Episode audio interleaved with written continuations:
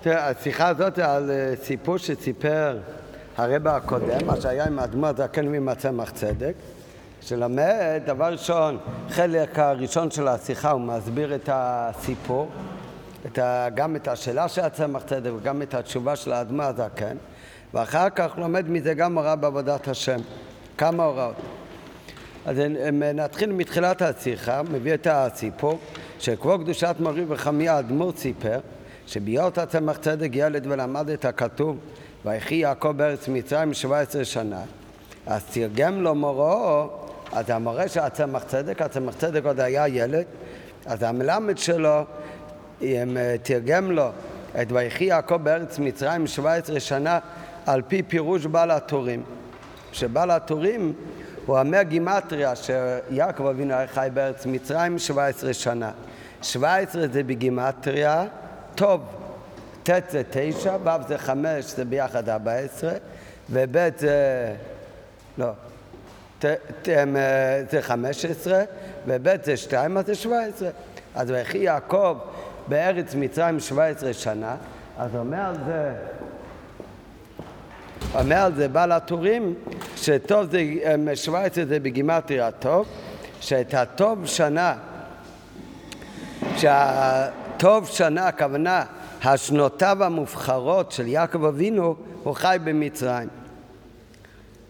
כך אמר המלמד לצמח צדק. לימד כנראה ביידיש, כתוב כאן ביידיש, יעקב אבינו גלב דיזיבצן בסטה יורני מצרים, שאת השבע עשרה שנים הכי טובות הוא היה חי במצרים. כשבא הביתה מהחדר, כשהצמח צדק שהיה אז ילד, הוא חזר הביתה מהתלמוד תורה.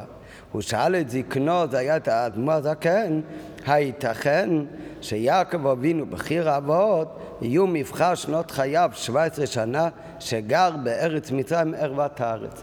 רק כשבא הביתה שאל הצמח צדק את הסבא, שהוא שמע כבר מהמלמד שהשנים הכי טובות של יעקב אבינו היו בארץ מצרים, אז שאל הצמח צדק, כשהוא בא הביתה את הסבא, את האדמו"ר הזקן, איך באמת יכול להיות שיעקב אבינו שהיה צדיק, שהיה מאבות, ומאבות הוא היה בחיר האבות, איך יכול להיות שדווקא אצלו, השנ... שדווקא השנים הכי טובות שלו, איפה היה?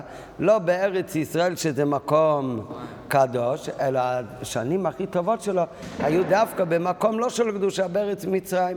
שארץ מצרים זה לא רק היה חוץ לארץ, לא היה בזה את הקדושה כמו בארץ ישראל, אלא שארץ מצרים בתוך חוץ לארץ גופה זה נקרא ערוות הארץ, המקום הכי נחות. הכי טומאה שהיה שם. אז איך מתאים שהשנים הכי טובות של יעקב אבינו יהיה דווקא במקום כזה? זו השאלה. ענה לו האדמה הזקן, כן, מעניין את, ה, את הפירוש ויחי יעקב 17 שנה, שהטוב שנים מבחר שנותיו של יעקב אבינו היה בארץ מצרים.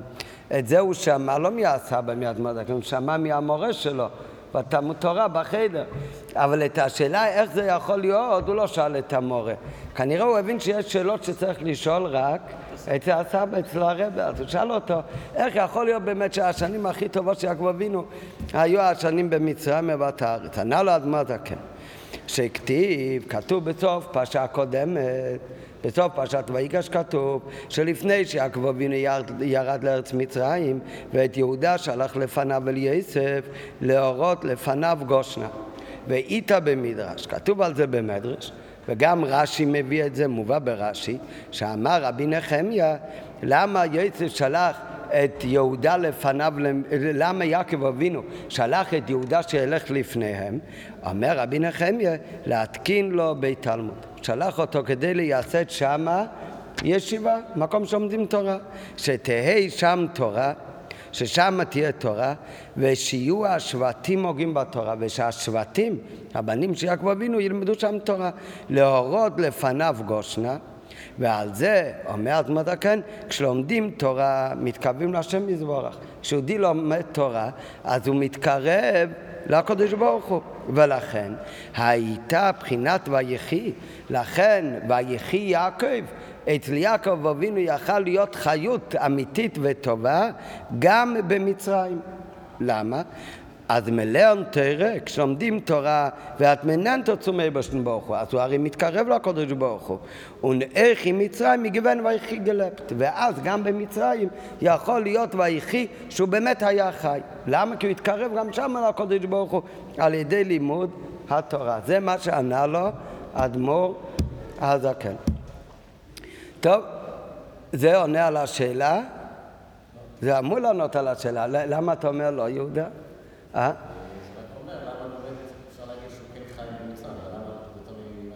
או, נכון. נורא, זה האמת, זה השאלה הראשונה על כל התשובה הזאת של האדמו"ר הזקן. כן, נראה אחר כך הרבי ישאל שלוש שאלות, זה באמת השאלה הראשונה.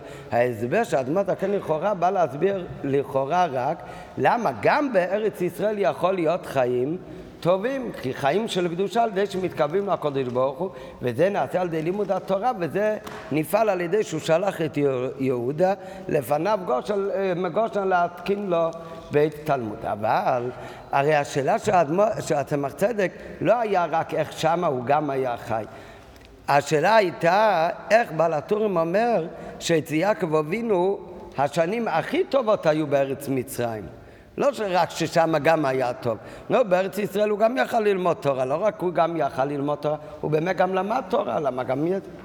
אז זו השאלה הראשונה, זה נראה בהמשך, אבל בעוד בית, מקדים הרבה ואומר, כל הסיפורים שקרו עם רבותינו נשיאנו, אז הסיפורים האלה, אז אפילו שזה קרה עם צדיקים גדולים, עם אדמה זקן, ועם צמח צדק, אז בן אדם יכול לחשוב, הסיפורים האלה זה לא קשור אלינו, כי זה, הם היו אנשים קדושים, הנשמה העירה אצלהם, מה, מה לנו עם הסיפורים האלה? אלא האמת הוא אבל שהרבה דברים קרו עם האדמו"ר הזקן ועם הצמח צדק, ויש הרבה סיפורים שקרו בין, בין האדמו"ר הזקן והצמח צדק, ואנחנו לא יודעים עוד אותם.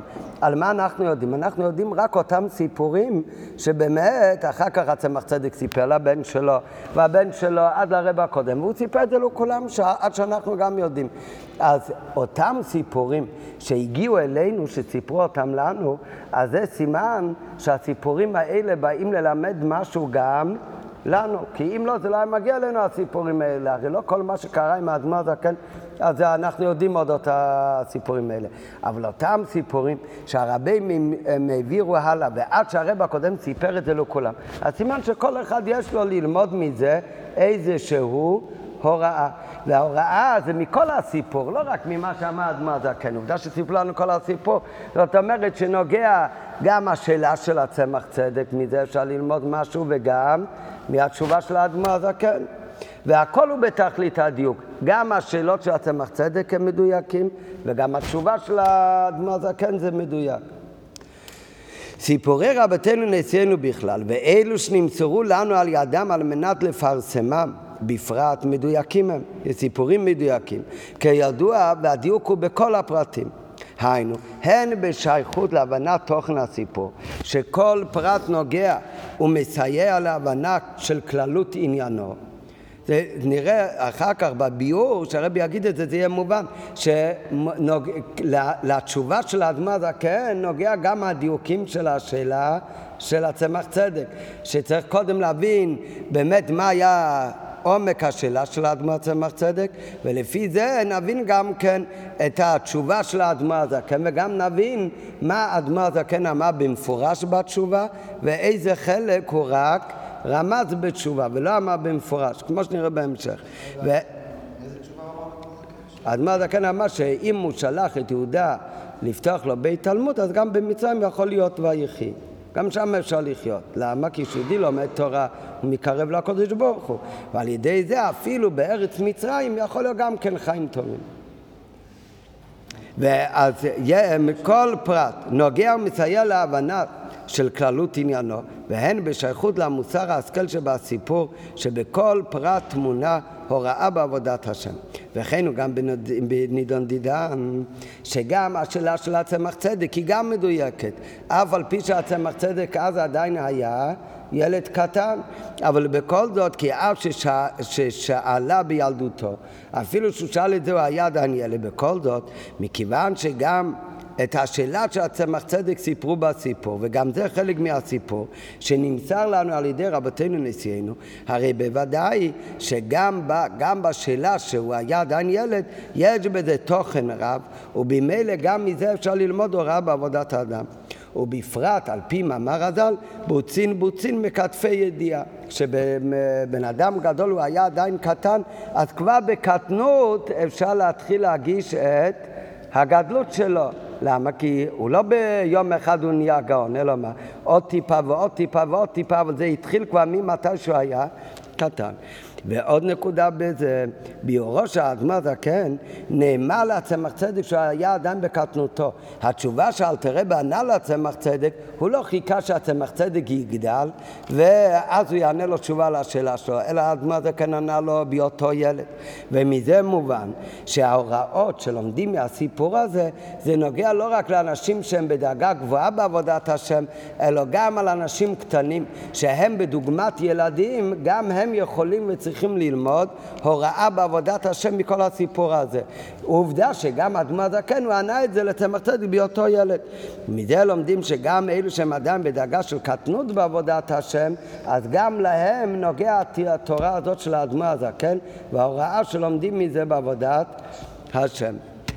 אז זה בעוד ב' הוא צריך כל, או נותן הקדמה כללית שכל הפרטים בסיפור הם מדויקים ולכן גם השאלה וגם התשובה אפשר לדייק בהם גם בפרטים כי הפרטים נוגעים לכללות העניין וגם הוראה יש ללמוד בעבודת השם הן מהשאלה של הצמח צדק והן מהביאור של אדמו"ר הזקן. עכשיו, מה השאלה ומה הביאור זה הכל הוא הולך להסביר בשיחה בהמשך, אבל קודם הוא שואל מה שיהודה שאל מקודם, שאלה ראשונה. בהשקפה ראשונה ישנם כמה פרטים בלתי מובנים בתוכן ובהמשך של סיפור הנ"ל. דבר ראשון, א', ביורו של הצמח צדק אין בו לכאורה תשובה מספ... תשובה מספיקה לשאלתו של הצמח צדק. הרי מה היה כל השאלה של הצמח צדק?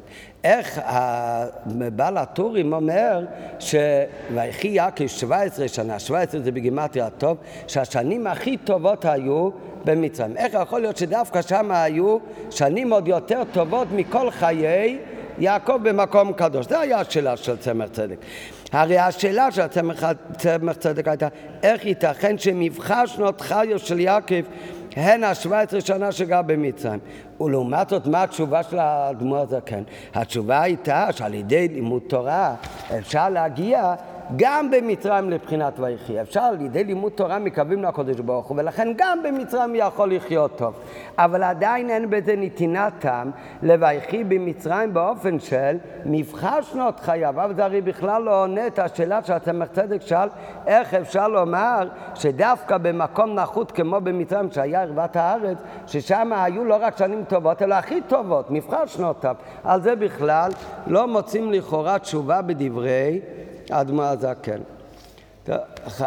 כנראה שצריך להגיד שברגע שאפשר במצרים גם לחיות, אז אוטומטית כבר יבינו למה זה גם הכי טוב.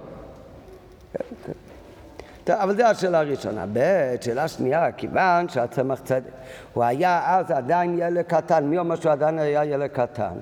עובדה שהוא לבד לא ידע את הבעל הטורים שאומר ש-17 זה בגימטריה הטוב וזה השנים הכי טובות. הוא, הוא אומר שהוא שמע את זה מי? מהמלמד שלו. אז הוא היה עדיין ילד.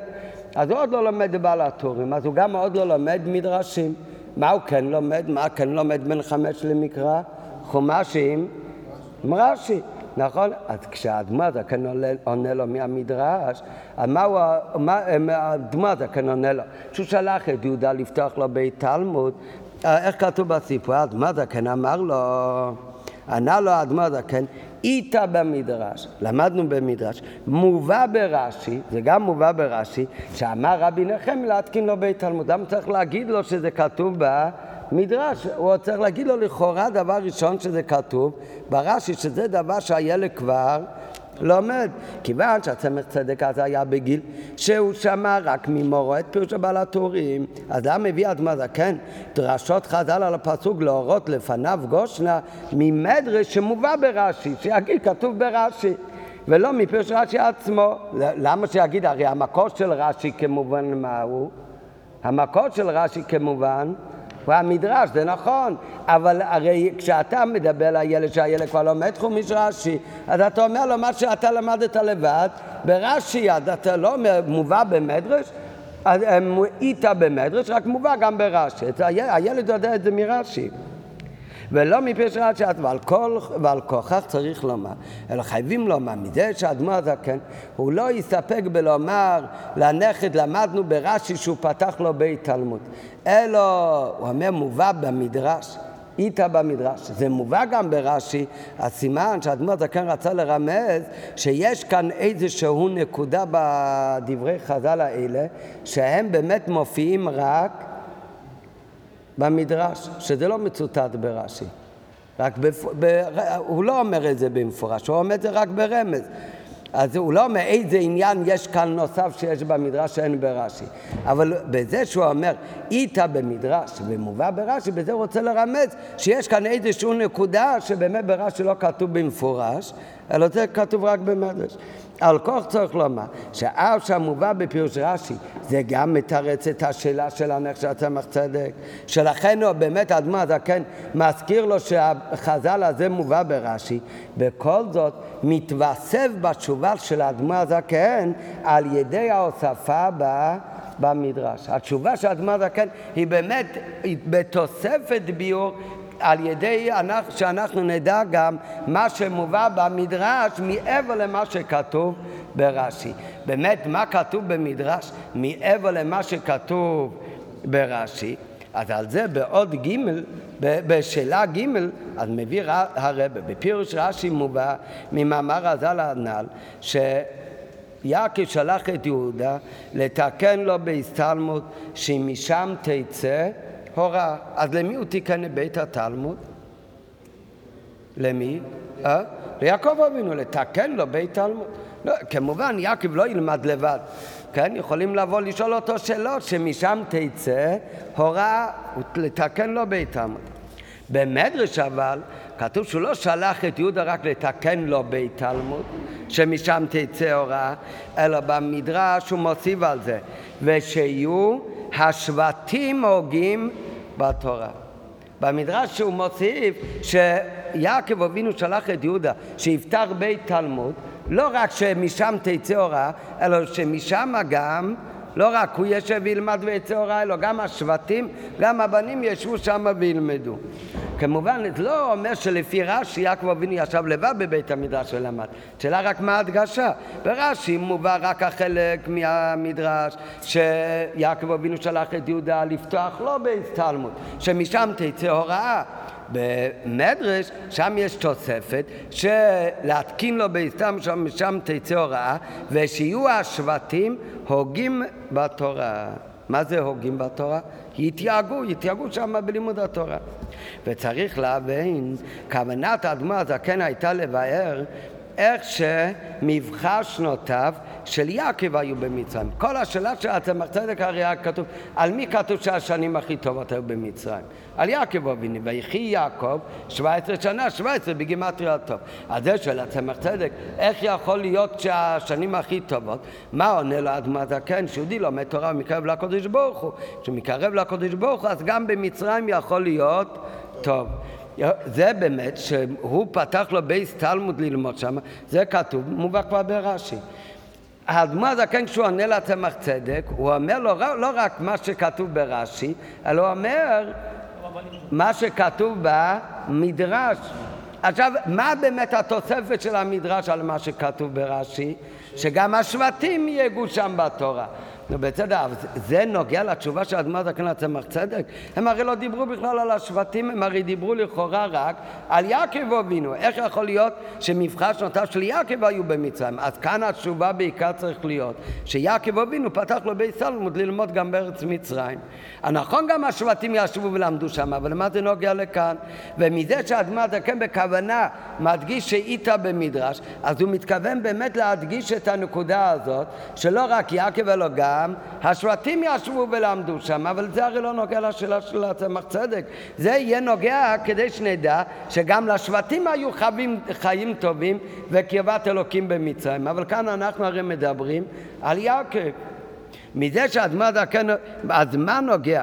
כשאנחנו מדברים על מיטה שנותיו של יעקב היו במצרים, אז מה מוסיף בזה על ידי העניין שהיו השבטים הוגים בתורה? נכון, זו השאלה הראשונה, שזה מתרץ רק למה גם שם היה גם טוב, אז זה לא מתרץ איך היה יותר טוב, הרי גם בארץ ישראל למדו, נכון, זה, זה כבר השאלה הראשונה.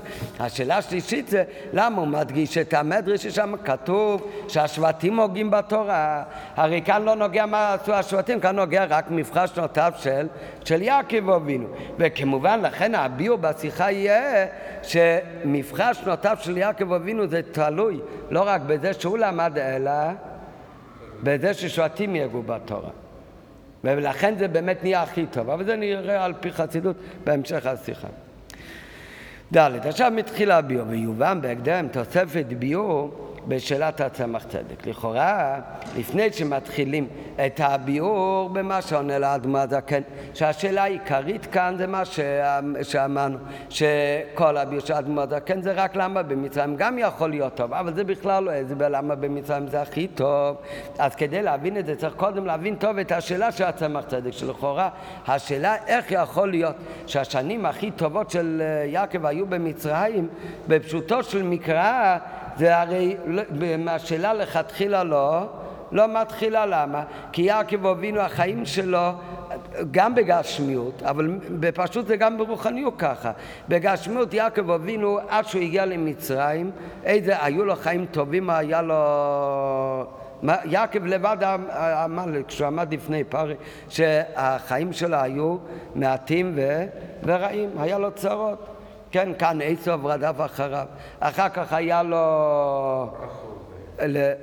אצל רוחב ולאו עשו סבל מלבן, נכון? אחר כך הגיע וישב יעקב וביקש לשבת בשלווה, נפל עליו הצהרה של יצב הצדיק. אה? והסיפור של דינו, כן, כל הזמן רק טוב. נת עכשיו כשהוא הגיע למצרים, התאחדה כל המשפחת, המשפחה וישבו שם בארץ גושן, בטוב ארץ מצרים. אז זה היה בגשמי, זה היה השנים הכי טובות של יעקב אבינו. מה כל כך השאלה? ואפילו מצד הרוחניות, מה, מה אומר, אתה מצאת, איך יכול להיות שהשנים הכי טובות יהיו במצרים שזה אהבת הארץ, אבל מצד שני, הרי יעקב אבינו, הוא ישב ולמד תורה. עם מי הוא למד תורה? עם מי למד הכי הרבה תורה? מכל השבטים, אה? עם יצב הצדיק. עובדה שאחרי 22 שנה שהם לא ראו אחד את השני, אז מה היה הסימן שגרם ליעקב אבינו ויחי יעקב אביהם? כשהוא ראה את העגלות ששלח יצב. מה כאן הוא ראה את העגלות ששלח יצב? את הסימן, את הסימן שיצב מסר עם האחים, שתגידו לאבא שאנחנו נפרדנו, למדנו הלכות עגלה ערופה. כן? זה אחד מהפיוטים, יש פיוט שהוא שלח עגלות, אבל שלח העגלות זה לא עגלה ערופה, זה לא עגלה של uh, בהמה. זה עגלה על גלגלים. אז מה הקשר? הוא ראה עגלות, אז הוא הבין שיצר רוצה לרמז לו שהם למדו עגלה ערופה? מה הפירוש? אה? לא, מה, הוא שלח לגלות, לא עגלות. אה? כאילו, גם עגלות וגם עגלות. הוא שלח גם עגלות, אולי. כאילו, מי לוקח את ה... אבל כתוב בפסוק, וירא את העגלות אשר שלח יצר. סוחב את העגלות. מי לא יודע, בקר, ואם, אתה יודע מה, בקר זה סחב, ובקר זה עגל גדול, אז לכן הוא הבין שזה רמז, שמה, שזה למדו עגלה ערופה, למה? כי הוא שלח עגלה עם עגלה, שזה לא כתוב, אבל נגיד ככה, והוא לא שלח מעגלה עם אה, גמל, אולי. זה אחד מהפירושים. אבל בפשוט כתוב, היה את העגלות אשר שלח יוסף. אז אחד מהפירושים זה, שזה הרי המדרש אומר, אבל מה הפירוש? מה הוא בדיוק ראה? אז זה שעגלות, מי שלח את זה? מי שלח לו עגלות להביא אותו? לא? פרעה. למה כתוב שיעקב ראה את העגלות אשר שלח יוסף? אז זה רמז שבנוסף לעגלות שפרי שלח שאם זה הביאו את יעקב, אז גם יוסף שלח עגלות. אבל יוסף, מה הכוונה? יוסף לא שלח עגלות עם גלגלים, אלא הוא שלח רמז של העגלות. הוא שלח רמז עם האחים, שאם האבא לא יאמין שמצאתם אותי, אז תגידו לו שלמדנו עגלה ערופה שנפרדנו. וזה היה סימן שראה יעקב אבינו, וזה נתן לו חיות. זאת אומרת, יעקב אבינו, הוא התחיל לחיות כשהוא ראה שיצב עדיין חי, ועדיין חי גם ברוחניות, שיכול ללמוד איתו, דבר האחרון שלמדו זה סגל הרופו. אז אם כך שיעקב אבינו, אחרי כל שנות הצבא, גמת נפש, שמגיע למצרים, ומשם הוא יכול מחדש להתחיל ללמוד. עם יצא ולהיות ביחד איתם, שהם הולכים כולם בדרך התורה מצוות, אז כמובן שהשנים האלה, זה יהיו השנים הכי טובות של יעקב אבינו. כן, לא כל... מה בכלל הקושי? ויובן בהקדם תוספת ביור, מהי בכלל השאלה של הצמח צדק. לכאורה אין להתמל עצם הדבר שמבחר שנותיו של יעקב היו דווקא 17 שנים האחרונות שלו שהיה ביחד עם יוסף. כמובן הוא פשוט שעיקר שמחתו של יעקב בחיר האבות הייתה על ידי זה שראה את יוסף חי ומתנהג כבנו שהוא עומד בצדקתו גם אחרי הימצאו זמן ארוך בארץ מצרים. כשיעקב אבינו רואה שכל כך הרבה שנים שיצב נמצא בארץ מצרים, והוא לא, רק שהוא לא הלך לאיבוד שם, אלא הוא עומד ב, לאיבוד ברוחניות, אלא הוא עומד שם בצדקתו, אז זה כמובן גורם ליעקב אבינו השמחה הכי גדולה כשהוא בא ורואה את זה פנים אל פנים, והוא מקבל נחת יהודי חסידי מהבנים והנכדים שלו גם בארץ מצרים. וזה גם מובא מדברי רש"י, בביאו סיפור הכתוב, שאחרי שנתבשר יעקב שעוד יוסף חי, ובהתחלה כשאמרו לו שעוד יוסף חי, אז כתוב בפסוק ויופק ליבי מלהאמין. עד מתי התחיל להאמין? וירא את העגלות ששלח יוסף, ואז ותחי רוח יעקב אביהם, שדווקא כשיעקב אבינו ראה את העגלות, דווקא אז ותחי רוחו. למה באמת? בפנימיות זה לא רק בגלל שזה היה סימן שהוא באמת חי, אלא זה היה סימן אצלו שהוא חי גם במובן הרוחני, מה מעסיק אותו? עדיין הלימוד התורה הוא זוכר מה שהם למדו פעם האחרונה, שדווקא קירות יעקב את העגלות, אס ותחי רוח, סימן מסלם במה היה עוסק, בפשט עגלה ערופו. וזהו שנאמר ויארץ הגולס, אשר שולח יצב, הרי שעיקר שמחתו של יעקב ושלימותה של השמחה זה לא רק מהידיעה שהוא עדיין חי והוא לא נטרף על ידי חיה רעה, אלא מזה שהוא עדיין חי בהלכי עגלה ערופו, שהוא עדיין לומד תורה. אז זה בא בראותו שיוסף עומד במצב רוחני נעלה, ותורתו וצדקתו עמו כמו מקודם. וזה גם מה שכתוב אחרי שיעקב אבינו ירד למצרים והוא פגש פנים אל פנים את יוסף, אומר יעקב, אחרי ראותי את פניך כי אותך חי. מה, מה הוא צריך לראות את פניו כאותך חי? הוא הרי כבר ידע שהוא עוד חי. אז אם דווקא ראיית פנים שהוא ראה אותו, זה גורם לו לדעת שהוא חי? אלא הכוונה שיעקב אומר, עכשיו שאני רואה אותך בפנים, מה הכוונה הוא רואה אותו? הוא רואה איך הוא נראה בצדקותו בדיוק כמו לפני שירד למצרים. אז עכשיו, כשאני רואה את פניך, בהמשך לזה הוא אומר, כי אותך חי, עכשיו אני רואה שאתה עוד חי, לא רק חי בגשמיות, אלא חי ב... ברוחניות, שהכוונה בזה לצדקתו וחיותו הרוחנית, שאותו ראה יעקב בפניו של יצב, וזה היה עיקר שמחתו של יעקב. לא זה שהוא עדיין בחיים, אלא זה שהוא עדיין בחיים באותם חיים רוחניים בדאגה כמו שהיה מקודם. ומזה מובן, אם ככה, כשיעקב אבינו יורד למצרים ונשאר 17 שנה ביחד איתו, אז בוודאי ששמחתו זו של יעקב בראייה פני יצף הייתה שמחה ועונג נעלה ביותר. ואיפה מעורר השמחה? שהבן נמצא במקום קדוש והוא נשאר נאמן לתורה ובצדקותו, אז זה, זה לא אמור לגרום כזה שמחה ותענוג גדול. כשהבן שהיה נאבד במצרים 22 שנה, ושם הוא נשאר בצדקותו בחיים רוחניים. אז זה גורם לתענוג ושמחה גדולה כיתרון האור מן החושך. דווקא בחושך אז מעריכים יותר את האור, אז זה נותן לו שמחה גדולה. ומכיוון שכן, השאלה של הצמח צדק, וגם כל אריכות של האלתר רבה שהולך לפתוח לו שם בהסתמות, כל הש... השאלה והתשובה טוענת, ביאור זה לכאורה מיותר, זה מובן מאליו, שהשבע עשרה שנה שהוא נמצא ביחד עם יצוא שעומד בצדקותו גורם לו שמחה גדולה, וזה השנים הכי טובות שלו. והביאו בזה אז על זה אומר עכשיו שהביאו שבאמת יש מעלה מאוד גדולה מזה שהוא מצא את, יק, את יצב שהוא נשאר בצדקתו כמו מקודם. וזה גורם לו שמחה. אבל זה לבד עוד לא סיבה למה שם היו החיים הכי טובים. למה? כי מצד שני זה באמת מעלה אחת, אבל מצד שני במצרים יש גם חיסרון מאוד גדול. מהו החיסרון מאוד גדול? החיסרון במצרים זה גם במובן הרוחני, שמצרים זה מלשון מיצר וגבול. שכל עבודת השם וכל הקדושה שיכולה להתגלות במצרים זה תמיד יהיה קדושה מוגבלת. וזה ההפך מכל עבודה של יהודי כאן בעולם. הנשמה יעדה לעולם כדי לעשות הקדוש ברוך הוא דירה בתחתינו על ידי מה? על ידי שמגלים את האור הבלי גבול בעולם. וזה ההפך מעניין של מצרים. מצרים זה היה מקום כמו שאחר כך היה גלות מצרים, שהתחיל כשירדו למצרים, שזה היה גלות פיזית בגשמיות, ככה זה גם ברוחניות, שמצרים שם היה מקום שהוא היה מנגד לגילוי הבלי גבול של אלוקות. לכן זה נקרא ארץ מצרים מלשון הגבלה, מיצר וגבול. לעומת עבודה של יהודי זה להמשיך את הבלי גבול לתוך העולם. ולכן כש... לכן כשבני ישראל חיו במצרים, אז שמה נכון שיש באמת מעלה, שהוא פגש את יצא ורואה שהוא עומד בצדקותו ועדיין זוכר את הלכות עגלה ערופה וכולי וכולי.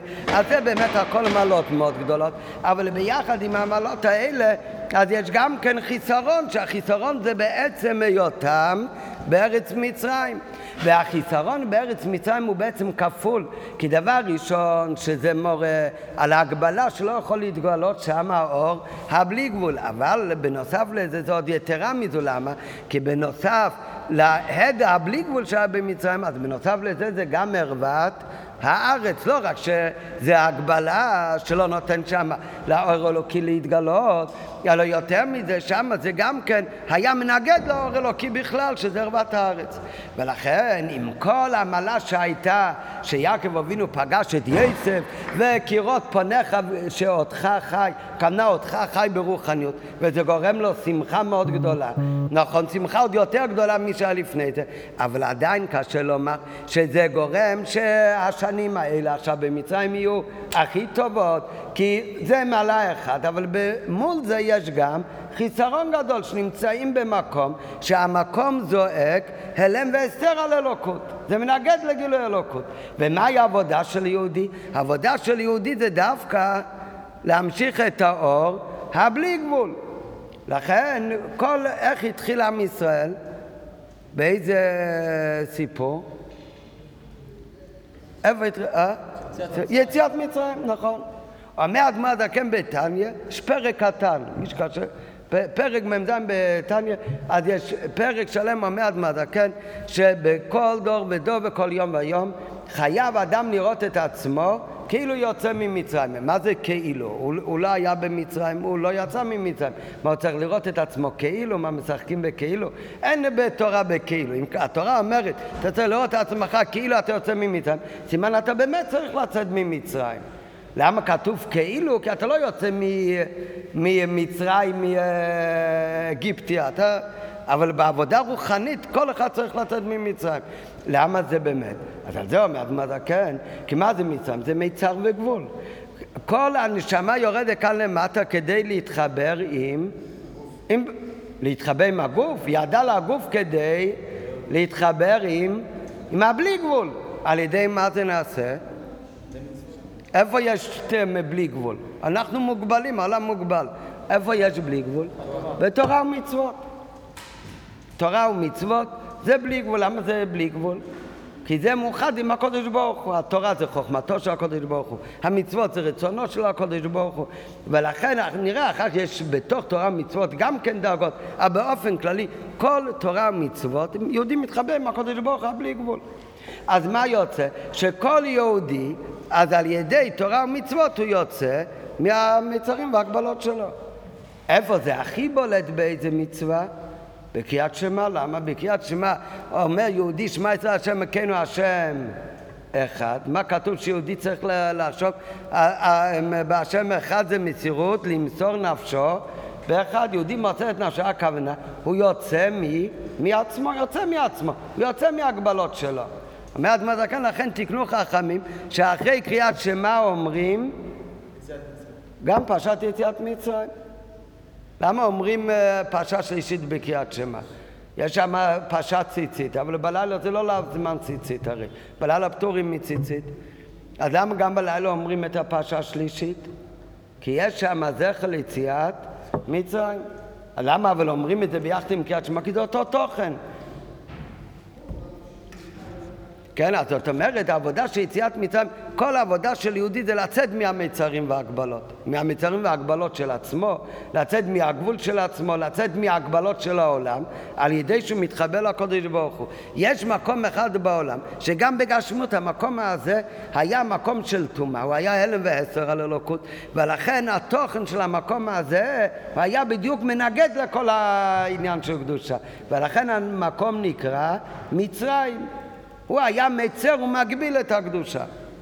ולכן זה היה שאלה של הצמח צדק. נכון שיעקב אבינו פגש את יצוא זה היה שמחה גדולה. ושמחה כמו יתרון האור מן, מן החושך, שהוא עדיין עומד בצדקותו והכל. ולכן זה שנים טובות. אבל איך אפשר להגיד שזה השנים הכי טובות? דווקא במצרים בערוות הארץ, הרי יש שם גם עניין שלילי, שהמקום הזה הוא מנגד לכל תכלית העבודה של היהודי.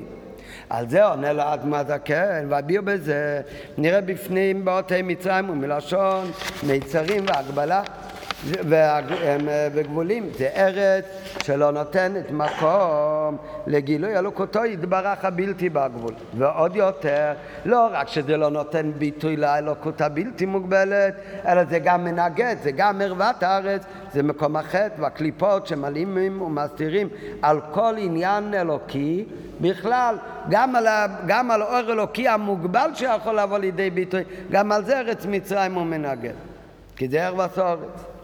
לעומת זאת עבודת האדם היא תכלית אבדת האדמי לצאת ממצרים וגבולים אלו. היינו, תכלית עבודת השם, שיורגש את יהודי גילוי אור אלוקי הבלתי בעל גבול, שעל ידי זה יתעלה לעבוד את השם בלי כל מדידות והגבלות. ראה בתניא פרק מ"ז. יש פרק אחד שלם בתניא שמצביע העניין הזה שכל עבודת השם של יהודי זה בעצם לפעול בעצמו עניין של יציאת מצרים. וזו הייתה נקודה של שאלתו של הצמח צדק שהוא שאל את הסבא של תדמה זקן. הן אמת זה באמת נכון שדווקא בשבע עשרה שנות האחרונות בא יעקב לשמחה ועונג רוחני במדרגה נעלית כזו שלא הגיע אליה עד עכשיו. למה? כי הוא נפגש עם יוסף שגם בארץ מצרים נשאר באופן של חי. אבל לאידך זה באמת מעלה שלא הייתה קודם, אבל יש גם חיסרון עכשיו. לאידך הרי ירידתו למצרים, שזה מקום של מצרים וגבולים, ועוד יותר מזה ערוות הארץ, זה הרי פועל אלם ואסתר. וזה פועל על כל פנים הגבלה בתכלית ושלמות עבודתו יתברך.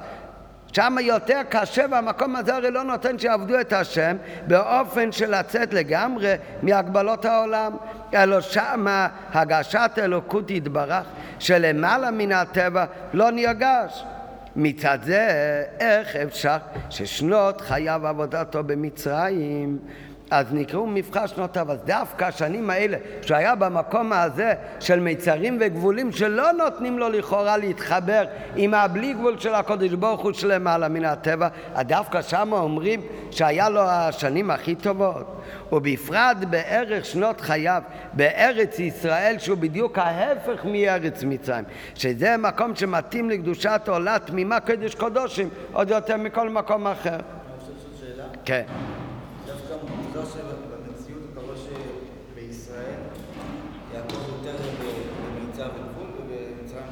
רגע, בסדר, נו. זה צריך לחכות לתשובה, רק רגע. ועל זה בא מענה של האדמה זקן. עונה על זה אדמה זקן, התקין לו, עכשיו עוד לפני כל אריכות הביאור, אז מה יוצא לנו אבל למסקנה בינתיים? שבאמת גם הצמח צדק ידע שהיה מעלה מסוימת ב... במצרים שלא היה לפני זה. זה שגם שם הוא פגש את יוסף שהיה עדיין בצדקותו. זה גם... רק מה, כל השאלה הייתה שלעומת המעלה הזאת יש הרי במצרים גם חיסרון גדול. אז עכשיו, לפי ההסבר הזה, ברגע שאנחנו נוריד את החיסרון של ארץ מצרים, אז באותו רגע, אז מה יוצא? אם אנחנו רק נוריד את החיסרון של ארץ מצרים בדרך ממילא, ה-17 שנים האלה יהפכו להיות השנים הכי טובות, כי הרי היה מלאט שם, שהוא פגש שם את יצב, והיה שם עם יצב בצדקותו, קיצור נר מן החשך. הכל השאלה הייתה שיש מול זה גם חיסרון, אז זה יכול... אם נוריד את החיסרון, אוטומטית כבר יהיה הכי טוב. ולכן אלתרבה לא היה צריך לענות לו למה זה יותר טוב, הוא רק היה צריך להוריד את השאלה של הצמח צדק. וזה נראה שבפנים על זה עונה לאדמת כן, שיעקב התקין לו בית תלמוד במצרים. ועל ידי התורה, הנה גם במצרים היה באופן של ויחי כל החיסרון של מצרים, שזה הגבלה, זה לא נותן ביטוי לאור אלוקי בלי גבול שלמעלה מן הטבע. אבל ב... אם לומדים שם התורה, אז זה פועל גם במצרים, המקום לא משפיע, אלא נעשה שם ויחי גלפט. על ידי לימוד התורה, שמגביה את האדם הלומד למעלה מכל מדידות והגבלות. אנחנו אמרנו מקודם שבאופן כללי בכלל תורה מצוות מכבה את היהודי עם קודש ברוך הוא בלי גבול, אבל יש בזה גופה גם כמה דרגות. בתניא בפרק מ"ד הוא מדבר על קריאת שמע, אז זה בכלל לא תורה ומצוות, וגם בין תורה ומצוות עצמו יש גם כן הבדלים. על ידי שיהודי מקיים מצווה, אז על ידי שיהודי מקיים מצווה הוא מתחבר עם הקודש ברוך הוא ש... שבלי גבול. אבל המצווה עצמה, התפילין שאתה מניח, זה גם בלי גבול או זה מוגבל? התפילין עצמם הם מוגבל. לכן גם כל מצווה יש לה הגבלה מסוימת. את התפילין אפשר להניח ביום ולא בלילה. אם חסר אות אחד זה פסול, גם אם הוספת אות אחד זה גם פסול, זה הכל מראה על הגבלה. זה, זה הגבלה מיד, לא משנה עכשיו אם מצוות זה רצונו של הקודש ברוך הוא, למה יש בהם הגבלה? אבל כך רצה הקודש ברוך הוא שהמצוות מתלבשים בדברים גשמים, ומכיוון שדברים גשמים הם מוגבלים, גם המצווה וגם ההלכות של המצווה, גם באמת יש בהם הגבלה.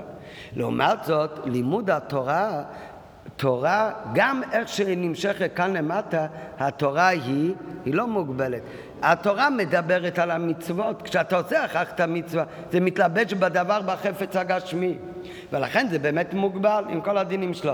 לימוד התורה, התורה, בפנימיות התורה זה חוכמתו של הקדוש ברוך הוא, גם איך שהיא יורדת ומתלבשת בדברים גשמיים, שהתורה מדברת על הלכות גשמיות ואיך מקריבים קורבנות עם בהמה גשמיות, כל הדברים האלה, אבל אני הרי לא מתעסק עכשיו עם בהמה גשמית, עם מה אני מתעסק עכשיו?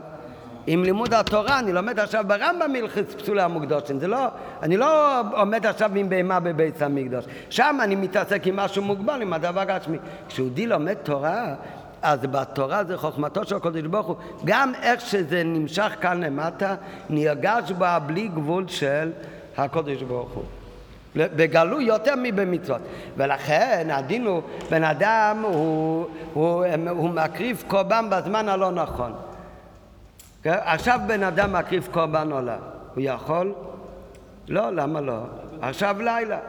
אבל אם יהודי עכשיו לומד הלכות עולה, כתוב כל מי שלומד תורת עולה כאילו הקריב עולה. רק אם הוא לומד את זה ביום, גם אם הוא לומד את זה בלילה. גם לומד את זה בלילה, כי התורה היא לא מוגבלת בזמן ומקום של המצוות.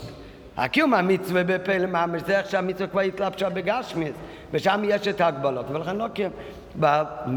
כל הלומד כאילו הקריב לו. זה, זה לא רק בכאילו, הכוונה הוא ממשיך בזה המשכות כמו במצווה הזאת, אבל את זה, בזה אין שום הגבלה. ב, ולכן התורה נמשלה למים, אז מה זה כן אומר בהתחלה בתניא, למדנו עכשיו, שמה מים יורדים ממקום גבוה למקום נמוך, כך גם התורה ירדה ממקום גבוה וירדה בכל סדר מדרגות עד שהתלבשה כאן בתורה ומצווה גשמים. מה הכוונה? מה כמו מים, מה, מה כאן המשל והנמשל? כן? גם אור השמש הוא מאיר מלמעלה למטה. אלא מה ההבדל? אה? אותו מים, זה ההבדל. יש הרבה דברים שנמשכים מלמעלה למטה, אבל זה משתנה. האור השמש, משהו יותר מתרחק מהמקור, הוא מצטמצם יותר. אותו דבר זה המשכה מלמעלה למטה מרב ותלמיד. כשהוא מסביר את זה לתלמיד קטן, אז הוא מצמצם את השכל שלו. לתלמיד עוד יותר קטן, הוא מצמצם את זה עוד יותר. היינו יכולים לחשוב שאותו דבר בתורה, חוכמת התורה שורשה זה בחוכמה שבאצילת. אחר זה ירד עוד דגה, עוד דגה. התורה שאנחנו לומדים כאן על דברים גשמים ומצוות גשמיות זה כבר איזה הערה הערה מצומצמת. על זה אומרים שמה תורה נמשלה למים, מה המים יודעים ממקום גבוה למקום נמוך? אותו מים שהיה כאן, אותו מים עכשיו נמצא למטה, הוא לא ישתנה. אותו דבר, אותו בלי גבול שנרגש בתורה למעלה, זה הבלי גבול של התורה שמתלבש גם בתורה שאנחנו לומדים, אפילו שאנחנו לומדים על דברים גשמים. אז כשיהודי לומד תורה, אז עצם הלימוד תורה, אפילו שהוא לומד על דברים גשמים שמוגבלים, אבל בקדושת התורה, שהוא לומד עכשיו בתורה, אז לימוד התורה שלך מקשר אותך באותו רגע עם הבלי גבול של הקודש ברוך הוא. אתה ממשיך אור אלוקי הבלי גבול. ובמידה מסוימת זה בתורה בגלוי עוד יותר מבמצוות, מכיוון שבאמת בלימוד התורה זה בא יותר בגלוי לידי ביטוי. כמו שאמרנו מקודם, לדוגמה, מי שעכשיו יקריב קורבן עולה, הוא לא קיים את המצווה, כי הוא מוגבל בהגבלות של הגשמיות. לעומת זאת, אם הוא לומד עכשיו, הלימוד התורה הוא לא מוגבל. אז הוא מתחבר עם הבלי גבול של הקודש ברוך הוא. זה יש על זה הסברים ארוכים, אבל זה בקיצור נמרץ. ועל זה בתשובה של אדמה זקן, שמה אומר צמח צדק, שאיך אפשר להגיד שהשנים הכי טובות היו במצרים, נכון, יש מעלות גדולות מזה שגם במצרים עובדים את השם, אבל עדיין יש בזה הרי גם חיסרון, מהו החיסרון? שהם נמצאים במקום שהוא מגביל והוא לא נותן ביטוי בלי גבול. על זה מה עונה לו אדמה זקן? הרי לפני שיעקב אבינו הגיע לשם, הוא שלח לשם את יהודה לפתוח לו בייס תלמוד. מה זה אומר אדמו"ר זקן? שלומדים תורה מתקרבים לקדוש ברוך הוא. מצטט כאן את הלשון שאמר ביידיש, המלא אנטר ואת מננת עצמי בושן. יש עוד דברים שמחברים יהודי לקדוש ברוך הוא, אבל יש עניין מיוחד דווקא כשלומדים, תורה מתחברים לקדוש ברוך הוא. למה? כי בלימוד התורה כאן הוא מתחבר לה... לבלי גבול של הקודש ברוך הוא. אז מה יוצא מכאן? שהוא נמצא במיצרים וגבולים במצרים, או שהוא קשור לבלי גבול? גם כשנמצא במצרים, בזכות הבית תלמוד, הוא בעצם קשור לבלי גבול. ועל זה במענה של אדמדה כן שיעקב התקין לו ביתם במצרים ועל ידי התורה, הנה גם במצרים היה מצב באופן שויכי גלת על ידי לימוד התורה שמגביה את האדם הלומד למעלה מכל מדידות והגבלות. אבל זה אפשר להתעלות גם במצרים לבחינת ויחי חיים אמיתיים. והטעם, התורה מושרשת בעצמותו יתברך. כך כתוב, בתניא באותו פרק שהוא מדבר יציאת מצרים, אז מביא שכתוב ויקחו לי תרומה. מה זה ויקחו לי תרומה? כן? אז הוא אומר, מביא עד מזקן מהזוהר, כאילו אותי אתם לוקחים. תרומה זה רמז על התורה.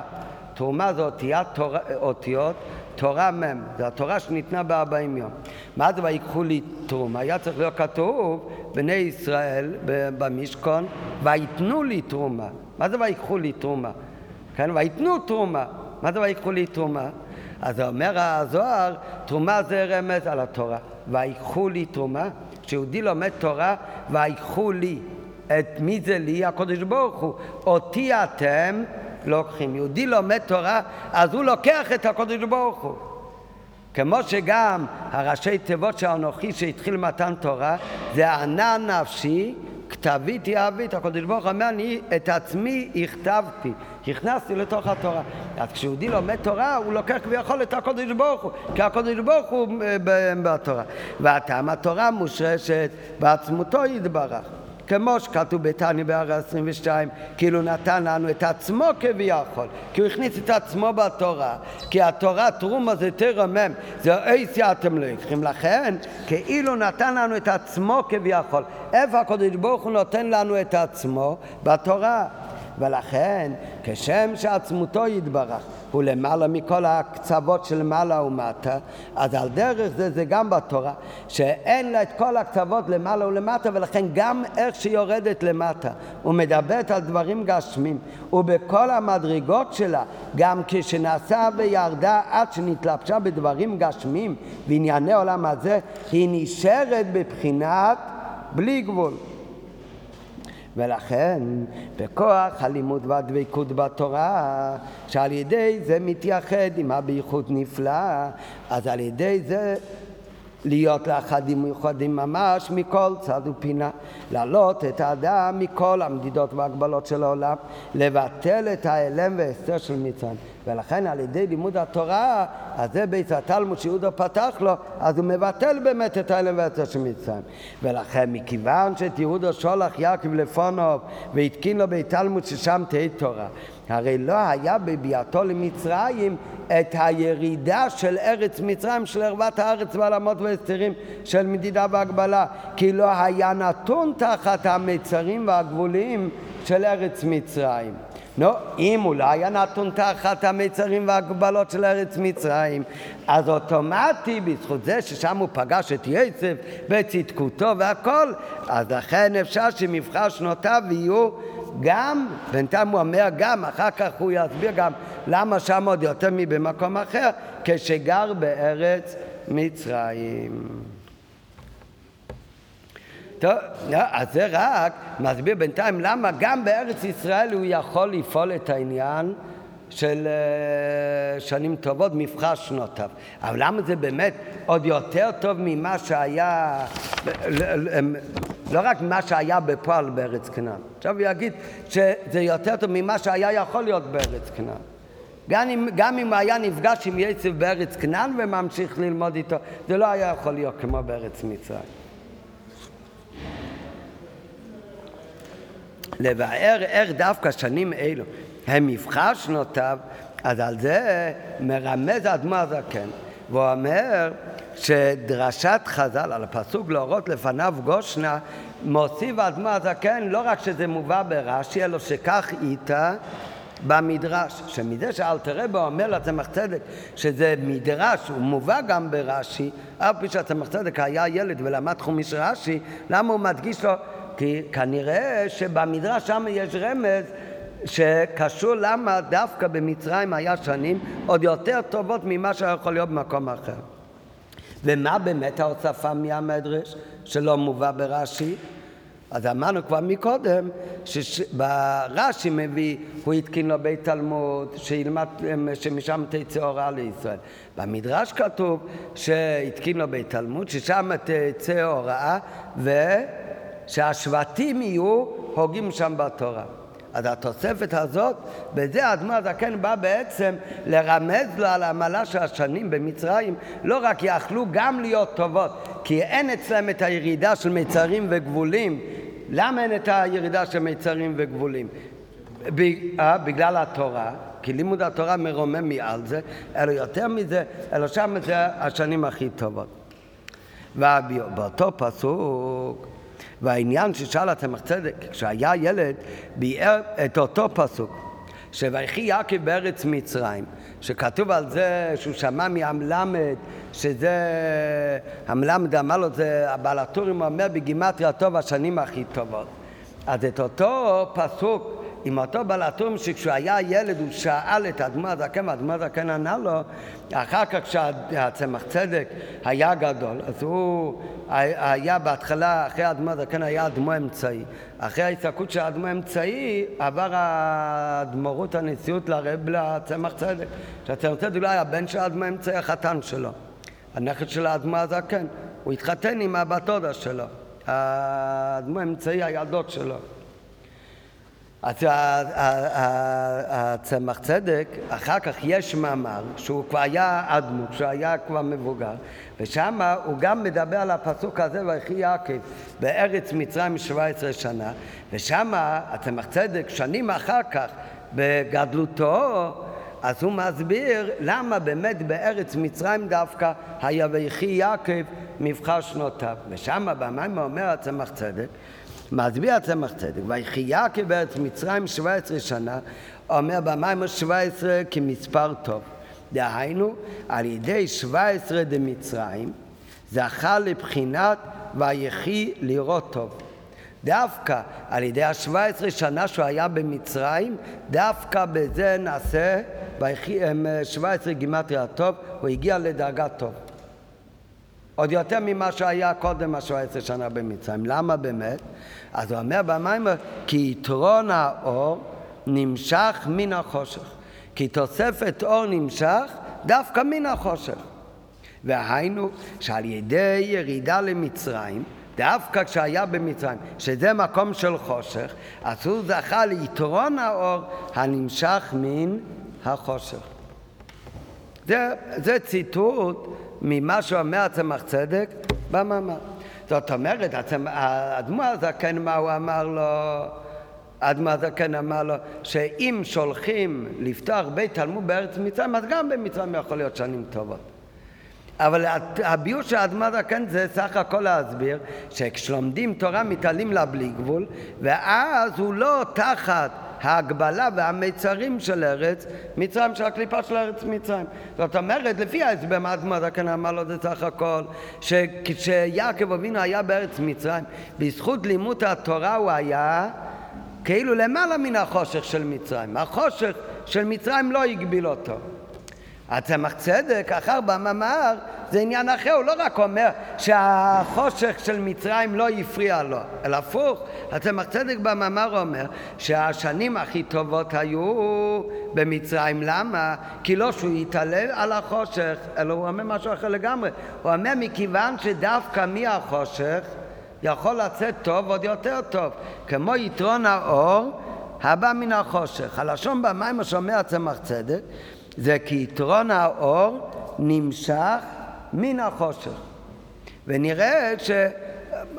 מה פירוש יתרון האור מן החושך? מה פירוש יתרון האור uh, מן החושך? שיש יתרון לאור על החושך? זה בוודאי. אה? אור שבא בתוך החושך. אור שבא בתוך החושך, אז מה? רואים אותו הרבה יותר. רואים אותו יותר. רואים אותו באמת יותר? רואים אותו יותר, הוא באמת יותר. יותר חזק. הוא יותר חזק. הוא מרגיש יותר חזק או באמת יותר חזק? אה? מרגיש נראה לי. מרגיש יותר חזק. לא יודע, בגלל שאתה לא יודע בדיוק איך זה עובד. כתוב בשולחן ערוך שעושים בדיקת חמץ לאור הנר דווקא בלילה, כתוב כי הנר מאיר יותר בלילה בחושך מביום. אתה אומר שהכוונה לא שבאמת הוא מוציא יותר, אתה אומר זה רק מגישים יותר. טוב, אולי... אז זה לא מה שכתוב, כתוב שהוא יותר מאיר בלילה, זה גם מהגמרא. אה, מה אתה חושב?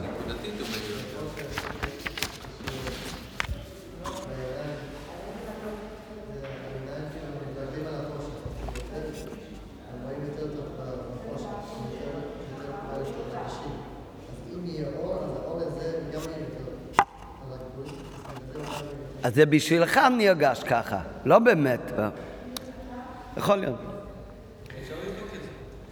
איך אפשר לבדוק את זה? לא, לא, לא, לא, לא, לא, טוב, זה הכל אחרי השיעור, זה על פי... אנחנו נלמד עכשיו על פי חסידות. כשאנחנו אומרים עיתון האור הבא מן ה...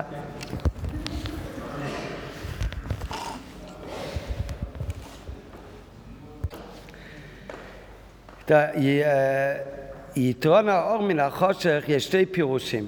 שתי פירושים, הכוונה שתי אופנים. זה מוסבר כמה פעמים בחסידות.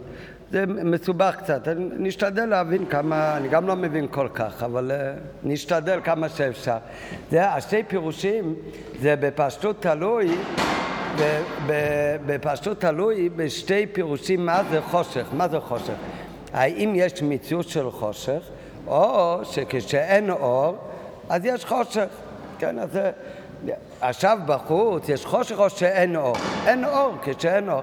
חושך זה היעדר, זה לא מציאות. האור זה מציאות, אתה יכול להביא אור או לקחת אותו. אתה יכול להביא חושך לכאן עכשיו. אתה לא יכול להביא חושך לכאן.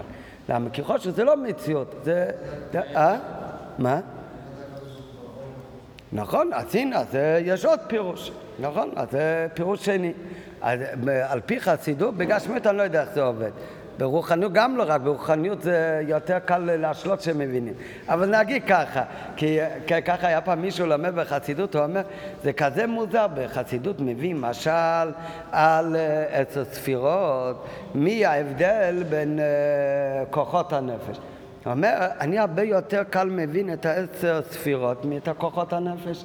המשלים בחסידות מאוד מסובכים לפעמים, עוד יותר מהנמשל. נו, מה התשובה?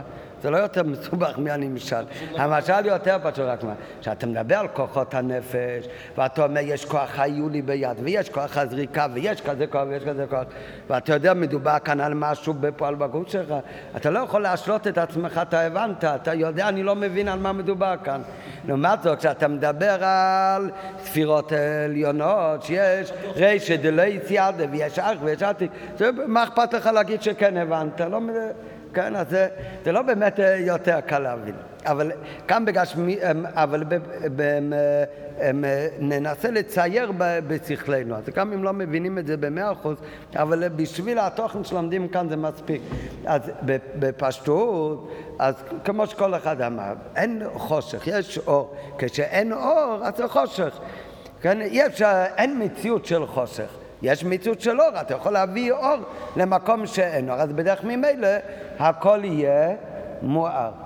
כן? אז, ולה, עכשיו, יש פירוש אחר שלא, כמו שדניאל אמר, כתוב בבריאת עולם, ובתחילת הבריאה, מה ברא הקודש ברוך הוא? את האור ואת החושך. יש אור ויש חושך. ויותר מזה, כתוב ברש"י שבהתחלה אור וחושך היו משמשים בערבוביה. אתה יכול לעשות אור וחושך משמשים בערבוביה, זה לא יכול לשמש בערבוביה, למה? כי כשיש אור לא יכול להיות חושך, חושך זה לא מציאות, זה אוטומטי. כן? ברגע שיש אור, אוטומטי אין חושך, איך יכול להיות אור וחושך משמשים בערבוביה? אבל אם יש מציאות של חושך, כמו שיש מציאות של אור, אז יכול להיות גם אור וחושך משמש בערבוביה. אז זה, זה שתי פירושים בחושך. בפשוט מזה נובע גם כן שתי פירושים, מה הפירוש? יתרון האור שהוא בא מן החושך. לפי האופן הראשון, אור לא יכול לבוא מן החושך. מה זאת אומרת? אתה מדגיש, כשיש אור אין חושך בכלל. אין כזה דבר. מה זה יתרון האור כשהוא בא מן החושך? האור אף פעם לא בא מן החושך. כשיש אור אין חושך. בפירוש הראשון זה, מה הפירוש יתרון האור מן החושך? האופן הראשון זה מקום החושך מואר על ידי האור. החושך לא מואר על ידי האור. חושך מואר על ידי האור? אמרנו הרי לפני רגע, אין חושך. כשיש אור בדרך ממילא, אז אין, אין חושך. המקום מואר על ידי האור, וכל שהחושך גדול יותר, אז ניכרת יותר מעלתו של האור וכוחו הבלתי מוגבל לפעול גם במקום של חושך גדול כזה. כן, כמובן. החושך עצמו, החוש... לפי הפירוש השני יותר נבין גם מה הפירוש הראשון. לפי הפירוש הראשון, מה זה עיתון האור הבא מן החושך? ניכר העמלה של האור, כן? כמו שיואב אמר, האור הוא לא יותר גדול. לפי הפירוש הזה, באמת זה ככה, האור הוא לא יותר גדול. מה, אתה מכיר את המעלה של האור יותר. מתי אתה מגיש את המעלה של האור? כשהיה יותר חושך, מה הכוונה היה יותר חושך? אין חושך. איפה שיש אור אז אין חושך, אלא על המקום. אם יש לך מקום שזה קצת חשוך. כן, מה זאת אומרת? יכול להיות מקום שהוא קצת חשוך. החדר שם עכשיו הוא חשוך לא לגמרי, הוא קצת חשוך. למה הוא לא לגמרי חשוך? הוא מקבל קצת אור מכאן. עכשיו, שם יש קצת חושך. אתה תיכנס עכשיו עם פנס למקום הזה, אז איפה שיהיה האור כבר לא יהיה חושך. אבל אתה תגיש שם את המעלה של, של האור הרבה יותר ממה שאתה עומד עם פנס בחדר הזה עכשיו, כי כאן יש הרבה אור. ואם תלך למקום, לחדר למעלה שיש עכשיו חושך מצרים לגמרי, ושם תדליק את הפנס, אז שם היה, המקום היה עוד יותר חשוך, אז שם אתה מגיש עוד יותר עמלה של, שלא, מה שיותר, המקום הוא מקום חשוך, אז אתה מגיש יותר את המעלה שלו, זה מדגיש לך יותר את המעלה שלו. זה מבטא גם זה גם כן יכול להיות בריחוק מקום, כן? כשאם אני נמצא... הם, טוב, אותו, אותו דבר זה גם כן במקום פשוט בגשמו, במרחק. אם יש לך נר, עד איפה יכול להעיר? לשתי מטר. יש לך אבוקה גדולה, אז יכול להעיר לעשר מטר. אז אם עשר מטר רחוק מהאור, שזה מקום חשוך יותר, גם כאן מגיע האור, אז מה אתה מבין מזה? איזה אור גדול היה כאן. כן? אז זה הפירוש הראשון. פירוש השני, מה הכוונה יתרון האור הבא מן החושך? זה לא שממקום החושך אתה מדגיש את המעלה של האור, אלא מהחושך עצמו אתה מגיש את המעלה של האור. הפירוש השני זה שהחושך עצמו מואר ונהפך לאור. לפי פירוש הראשון, כשאתה נכנס אפילו לחדר הכי חשוך, לתוך החדר הזה עם פנס, את מה הערת עכשיו? את מה הערת? את החדר או את החושך? את החושך? אין חושך, את החדר. החדר הוא היה מקום חשוך, הוא היה מאוד חשוך. עם נר אחד אתה יכול להעיר אותו. אז ממקום החושך אתה יכול להבין את גודל המעלה של, של הנר. אבל לא מהחושך עצמו, כי ברגע שאתה תכניס שם את הפנס, יש עדיין חושך שם? לא. כבר אין שם חושך. החושך עצמו הוא לא מתחיל להעיר. החדר נהיה מואר, החושך נהיה מואר. החושך לא נהיה מואר, החושך איננו. ברגע שאתה מכניס אור, אין כאן חושך, כי אין מציאות של חושך. לעומת זאת, בפירוש השני, אם אנחנו נסתכל על חושך כמציאות, אתה צריך לצייר במוח שלך שכמו שיש מציאות של אור שמביק, כך יש מציאות של חושך, כמו שכתוב במכת חושך במצרים, וימש חושך. תאר לעצמך, אפשר למשש את זה, יש מציאות של חושך. כמו שנגיד שאפשר, כמו שאפשר להדליק הנור, כך אפשר להדליק חושך. נו, אז אם ככה כשאני אומר יתרון האור הבא מן החושך, אז כשאתה נכנס לתוך אמ, חדר חשוך, ועכשיו הכל מתחיל להיות מואר, אז מה מאיר עכשיו? לא רק החדר נהיה מואר, מה נהיה מואר? החושך נהיה מואר. מקודם היה כאן מציאות של חושך, אם באמת חושך זה גם מציאות, ועכשיו המציאות של חושך נהיה אור. וזה פירוש שונה לגמרי הרבה יותר נעלה מיתרון האור הבא מן החושך, שהחושך עצמו מואר ונהפך לאור, לפי הפירוש הראשון החושך לא נהפך לאור, כי חושך הוא לא מציאות, אז אין כאן מה שיכול להתהפך. החושך הוא סך הכל היעדר האור, הוא העניין השלילי. כשאין אור אז יש חושך. אז החושך הוא לא מתהפך, הוא פשוט איננו יותר ברגע שיש אור. לפי פירוש השני, שיש מציאות של אור, אז האור עצמו מואר ונהפך לאור, ועל ידי זה נהיה יתרון באור, שנמשך באור בחינה נעלית יותר, שאינה באור מצד עצמו. ואז באמת הפירוש של יתרון האור הבא מן החושך הוא פירוש שונה לגמרי. לחושך יש גם מציאות. וכשהאור יכול להפוך גם את החושך, שהחושך עצמו גם מתהפך לאור, כתוצאה ממה? מהאור, אז באמת האור נהיה אור יותר נעלה. מקודם היה אור אחד. עכשיו האור הוא כפול, למה הוא כפול? כי גם החושך התהפך לאור. זה פירוש אחר לגמרי. הפירוש השני גם יכול להיות הפוך? אה? הפירוש השני גם יכול להיות הפוך, שהחושך כאילו... יגרש את האור? אולי, לא יודע. לא, עדיין, לפי כל הפירושים, מעט אור דוחה את החושך. האור אוטומטית דוחה את החושך. השאלה רק מה הפירוש האור דוחה את החושך. האם הכוונה שאין יותר חושך, כי החושך זה בכלל לא מציאות, או שהחושך מתהפך לאור. אז כאן הוא לא אומר את זה במפורש, אבל בפשוט שתי הפירושים זה תלוי בזה האם חושך, אנחנו מסתכלים על זה כמציאות, או שאנחנו מסתכלים על זה כ... ככלום. אם חושך זה כלום, אז יתרון האור הבא מן החושך, הכוונה, אתה מרגיש יותר את המעלה של אור איפה שמקודם לא היה אור. זה נקרא במקום החושך, לא מהחושך עצמו, כי חושך הוא לא מציאות בכלל.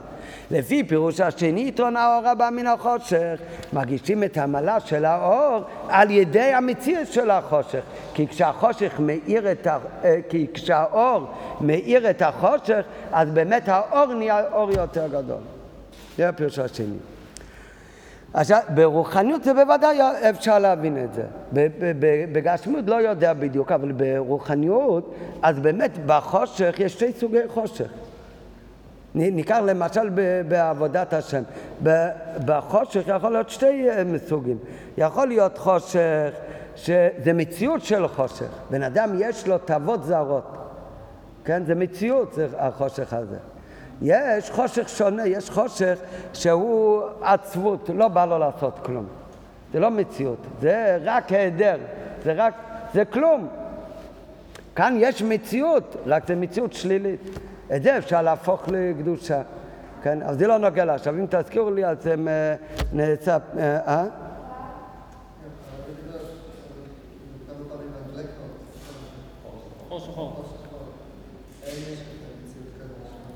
כן, גם בגשמית.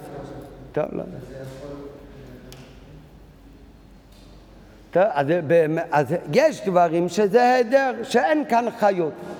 יש, שיש חיות, רק החיות היא חיות שלילית. כן, מה יותר גרוע? לפעמים חושבים, יותר גרוע שיש לו חיות שלילית בדברים לא טובים. אז זה לאו דווקא ככה. כשיש לך חיות בדברים לא טובים, אפשר, אתה חי, אז אפשר להפוך את זה. זה, זה מציאות, רק מציאות של חושך, תהפוך אותו לאור. יש כשאין כלום, הבן אדם מת. אז זה הדר. זה חושך כזה שהוא לא מציאות. איך תהפוך? אין כמה להפוך. את זה צריך לגרש לגמרי, לא להפוך. כן, יש סיפור שהיה עם החסיד שהם... שאלתר רבי המאמה, הוא עמד, לפ, עמד לפני הנר, וה, ובגלל שהוא עמד בין הנר לבין האדמת הקן, אז הצל שלו הגיע לאדמת הקן. והוא חשב לעצמו שהוא יזוז טיפה, כי מה זאת אומרת? הצל שלו מגיע על האדמת הקן. אחר כך הוא חשב לעצמו, לא, למה שאני אזוז? הצל שלי יגיע לאדמת הקן. אז הרב מעלה את כל הדברים לקדושה, שיעלה גם את הצל שלי, כאילו את החושך, לקדושה. כך הוא חושב לעצמו. אומר אלתר רבה, חושך גם הרבה לא יכול לעלות. כאילו יש דברים ש... מה הפירוש? אולי, למה באמת לא? אז יש הערה מהרבה בלקוטי ציחס, שיש שתי סוגי חושך.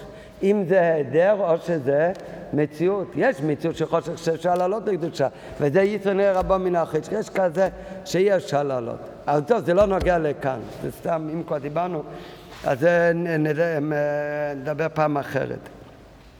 אבל נחזור עכשיו לענייננו. ההפרש בין, דרך אגב, במים של הצמח צדק בלשון, מה נראה יותר? הפירוש הראשון ביתרונה רבו מן החשך, הפירוש השני. אה? הפירוש השני, למה נכון? אה? לא רק בגלל מין, הרבה יותר. מה הוא אומר? מה לשון? כי יתרון האור נמשך מן החושך. לא שנרגש, אלא נמשך תוספת אור מן החשך. שיש כאן מציאות של חושך, ומזה נמשך התוספת אור. ההפרש של שתי ביורים אלו העיר הבא מן החשך, לפי ביור הראשון בעיתון הבא מן החשך. אין הכוונה שלגבי האור עצמו יש בפועל מציאות של חושך. לפי הפירוש הראשון אין במציאות של חושך. כשיש אור אין מציאות של חושך.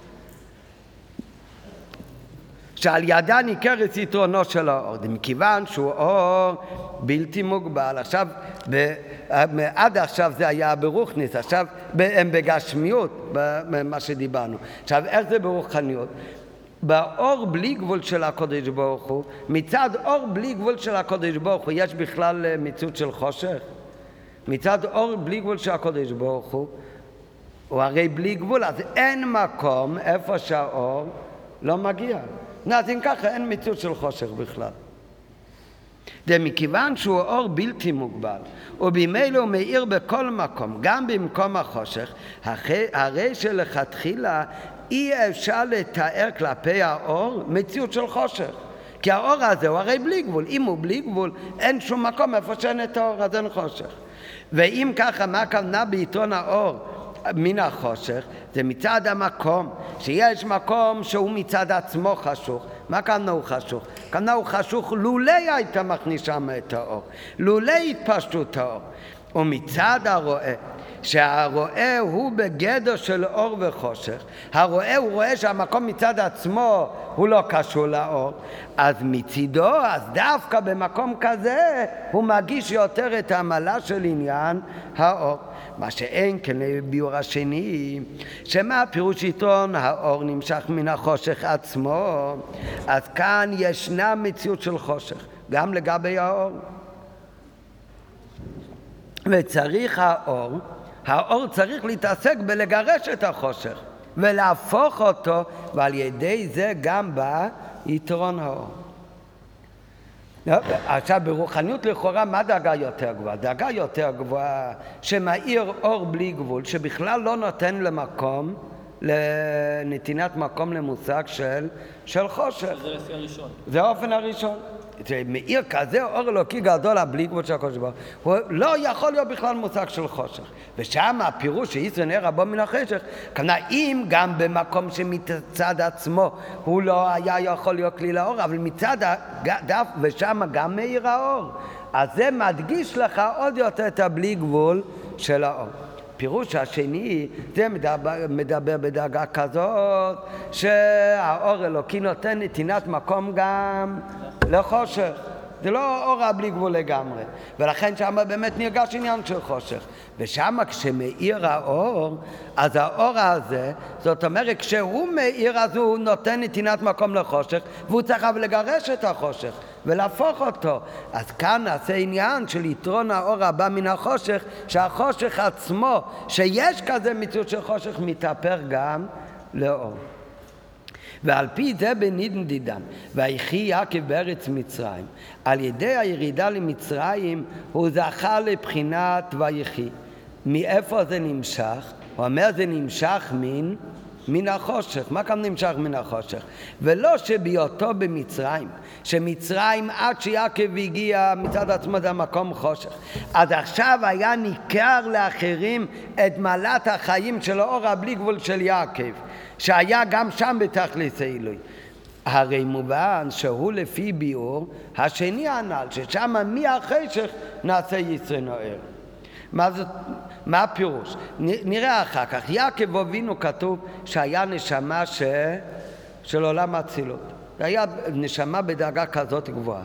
והכוונה שהייתה נשמה של עולם האצילות, בעולם האצילות יש רק גילוי אלוקות, אין נתינת מקום למשהו אחר. והאבות, אברהם, יצחק ויעקב, האבות הן הן המרכבה, הכוונה גם כשהתלבשו בגוף גשמי וטילו בעולם הזה הגשמי, מה העיר אצלהם?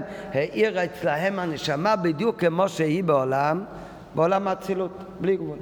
ולכן מצד יעקב אבינו יש הבדל בין ארץ כנען לבין ארץ מצרים. מצד יעקב, אם אצלו מאיר אור אלוקי כמו בעולם האצילות הבלי גבול, אז אצל יעקב אבינו ארץ ישראל, ארץ מצרים, מצד הקדושה והעבודה שלו, הכל שווה, אין בכלל מושג של חושך. אז מה הפירוש יצונר רבו מן החשך?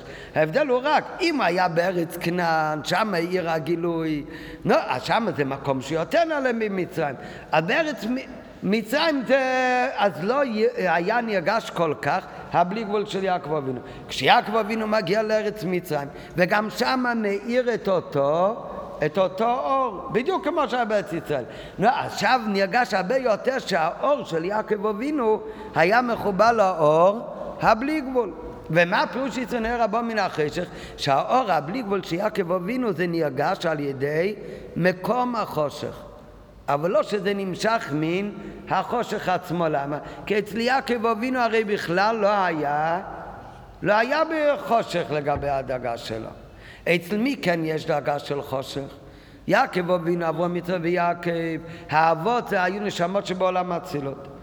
השבטים היו כולם צדיקים, אבל זה כבר היה נשמות שבעולם הבריאה. כתוב שעולם הבריאה זה כבר נותן מקום גם למציאות.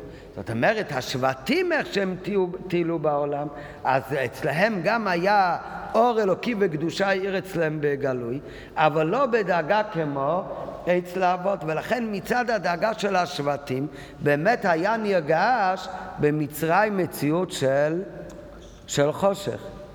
אז כשהשבטים ילמדו תורה במצרים, מצד הדאגה שלהם יש מציאות של חושך באמת. אז כשהם ילמדו תורה במצרים, מה כאן נעשה? אז אצלם נעשה באמת העבודה של יתרון האור הבא מן החושך, כמו הפירוש הראשון או כמו הפירוש השני, כמו הפירוש השני, שהחושך עצמו מתהפך לאור, כי אצל השבטים באמת כבר היה מציאות של חושך. ומכיוון שהיה, ועל פי זה בנינדידן, ויחי יעקב בארץ מצרים, הוא זכה לבחינת ויחי מאו, אומר הצמח צדק במיימר, שהוא זכה לדאגה יותר נלית כיתרון האור, שהוא נמשך מן... מן החושך, זאת אומרת לא כמו הפירוש הראשון רק, אלא כמו הפירוש השני, שבאמת התווסף באור. למה התווסף באור? כתוצאה מזה שהוא הפך את את החושך עצמו. ולא רק שניכר עכשיו עמלה יותר, אלא שבאמת נעשה תוסף זה כפי פירוש הבייס הנ"ל. אז לפי זה מובן למה האדמו"ר הזקן, כשהוא ענה לצמח צדק, הוא רמז לו את זה, איפה הוא רמז לו את זה? שהוא לא אמר לו רק שכתוב ברש"י שפתח לו בית עמוד ללמוד תורה, אלא מה אומר המם על האדמו"ר הזקן? שהמקור הוא במדרש. מה היה התוסף שכתוב במדרש? שמי ילמד שמה לא רק יעקב אלא שהשבטים יהיו הוגים בתורה. אצל השבטים באמת, אז שמה לגבי הדאגה של השבטים, אז יש הבדל בין ארץ ישראל לבין ארץ מצרים. לגבי יעקב אבינו אין הבדל בין ארץ ישראל לארץ מצרים. כי אצלו עיר האורה בלי גבול בכלל, אז אין מציאות של חושך בכלל. זה רק הדר האור מצד המקום. לעומת זאת מצד השבטים, שהשבטים הם בדרגה יותר נמוכה, שם היה עניין של חושך. אז שם הייתה המעלה של יתרון האור הבא מן החושך הרבה יותר נלית. שהחושך עצמו התהפך, וזה נותן תוספת באור. לפי פירוש הראשון יתרון האור הבא מן החושך. האור הוא לא באמת יותר גדול, ניכר בו יותר המעלה. לפי פירוש השני, אז האור נהיה אור יותר גדול. כי האור שהופך גם את החושך, אז עכשיו האור הוא אור יותר נעלה. אבל איך זה משליך על יעקב? או, נכון, שאלה טובה. אבל, ועל פי זה יש לומר שהאדמה זקן דייק להוסיף בתשובתו מהמדרש ושיהיו השבטים מוגים בתורה בכדי לרמז להביאו של יצרן הער הנמשך מן החושך.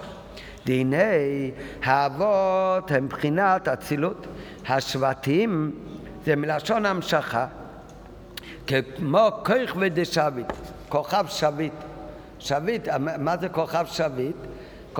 כוכב שביט זה, הגמרא אומרת בברכות מה צריך לברך כשרואים כוכב שביט, כמובן רואים כוכב כאילו הוא טס, כאילו הוא נופל. אז זה שביט הוא מלשון המשכה. ושביט זה, אז האבות היו נשמות בעולם אצילות. השבטים זה נקרא שבט מלשון המשכה. זה כשהם נמשכו כבר, זה הנשמות שכבר נמשכו בעולמות, ביה נמוכים יותר.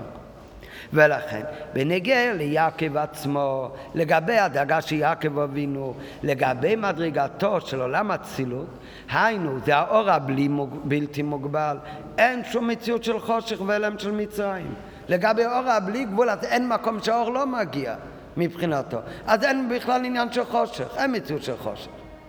ולכן, מביא האדמה זקן מהמדרש, שהבית תמות שאודו פתח זה שיהיו השבטים הוגים בתורה.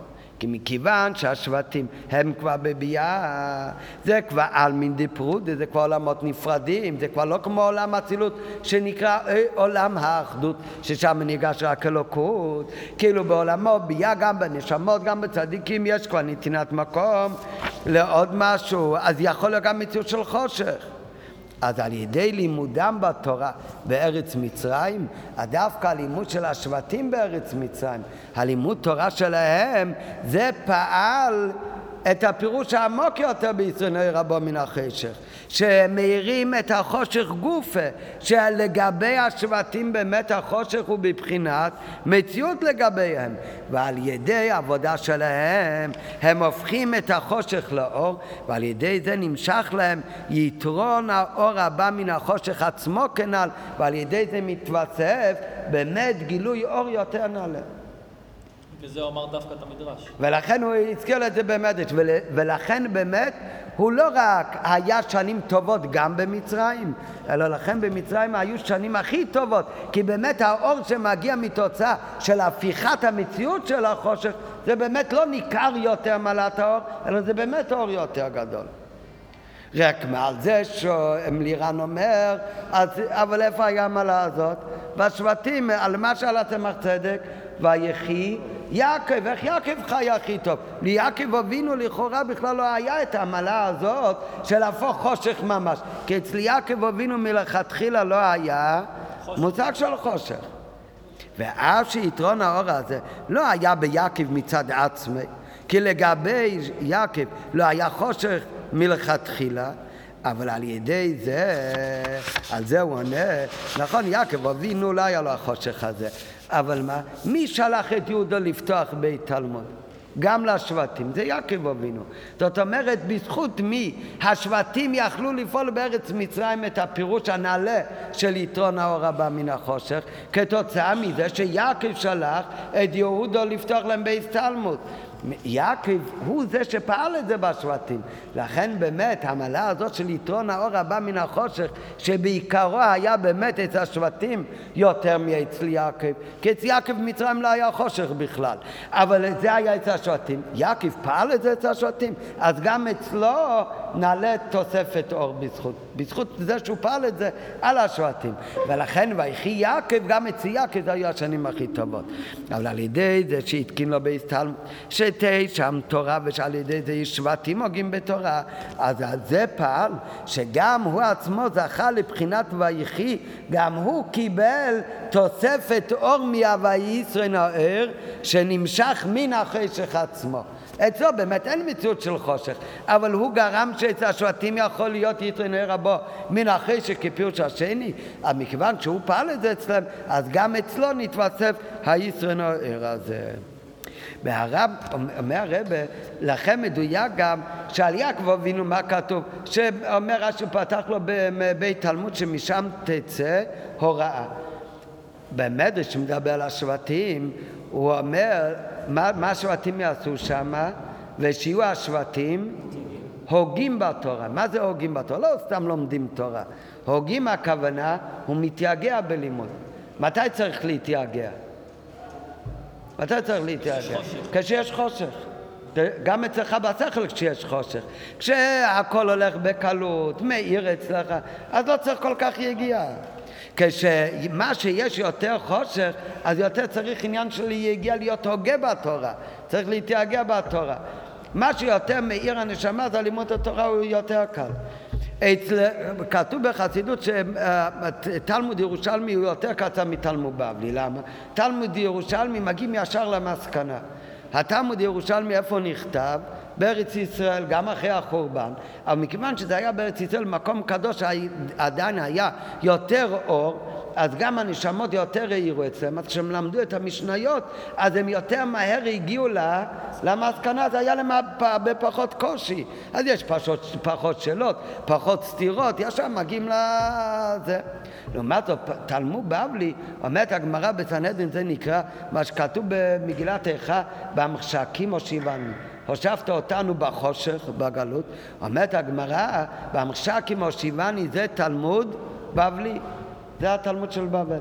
למה באמת? כשיש אור, אתה מיד רואה, זה החלון, זה הדלת, זה השולחן, אז מיד מגיעים למסקנה, אין קושי כל כך. כשיש חושך, נו, אז זה קשה לדעת איפה החלון, איפה השולחן. בן אדם צריך למשש בחושך. הוא ממשש, הוא מסתכל, והוא לא מוצא איפה, פתאום יש uh, משהו, uh, בליטה, לא בלי, הפוך, הם, uh, שוקע, הוא אומר, אוי, הנה מצאתי את החלון, אבל בסוף עוד הפעם הוא נתקע, לא, זה לא חלון, זה ארון, ואז הוא ממשיך למשש, וככה, או, פתאום הוא מצא שקע, הנה מצאתי את החלון, ממשיך למשש, לא, אבל זה הולך עד למטה, טוב, אז זה לא חלון, אלא... אלא דלת. וככה עד שבסוף הוא מגלה מה, איפה החלון, איפה הדלת. לוקח לו הרבה זמן, למה? כי הוא נמצא בתוך החושך, אז זה מאוד קשה, הוא לוקח הרבה זמן למצוא. כשיש אור, מיד הוא רואה, זה חלון, זה דלת וזה ארון. אז אותו דבר, מה, השבטים הם היו, במצרים היו הוגים בתורה. בדאגה של יעקב אבינו, אז הלימוד התורה, יעקב אבינו ישב ולמד תורה בשם ועבר, אבל הלימוד אצלו היה באופן של, של אור. לא היה שם חושך בלימוד בכלל. לעומת זאת, את השבטים שהם היו נשמות מביאה, אז שם הדיוק הלשון שיהיו הוגים שם בתורה, יהפכו את החושך, את החושך שיש במצרים, וכתוצאה מזה גם החושך שיש אצלהם. על פי זה יש לבאר מה שבחר דמו הזקן שהוא ציטט לו לא רק מירה שלו גם מהמדרש שיהיו הוגים בתורה.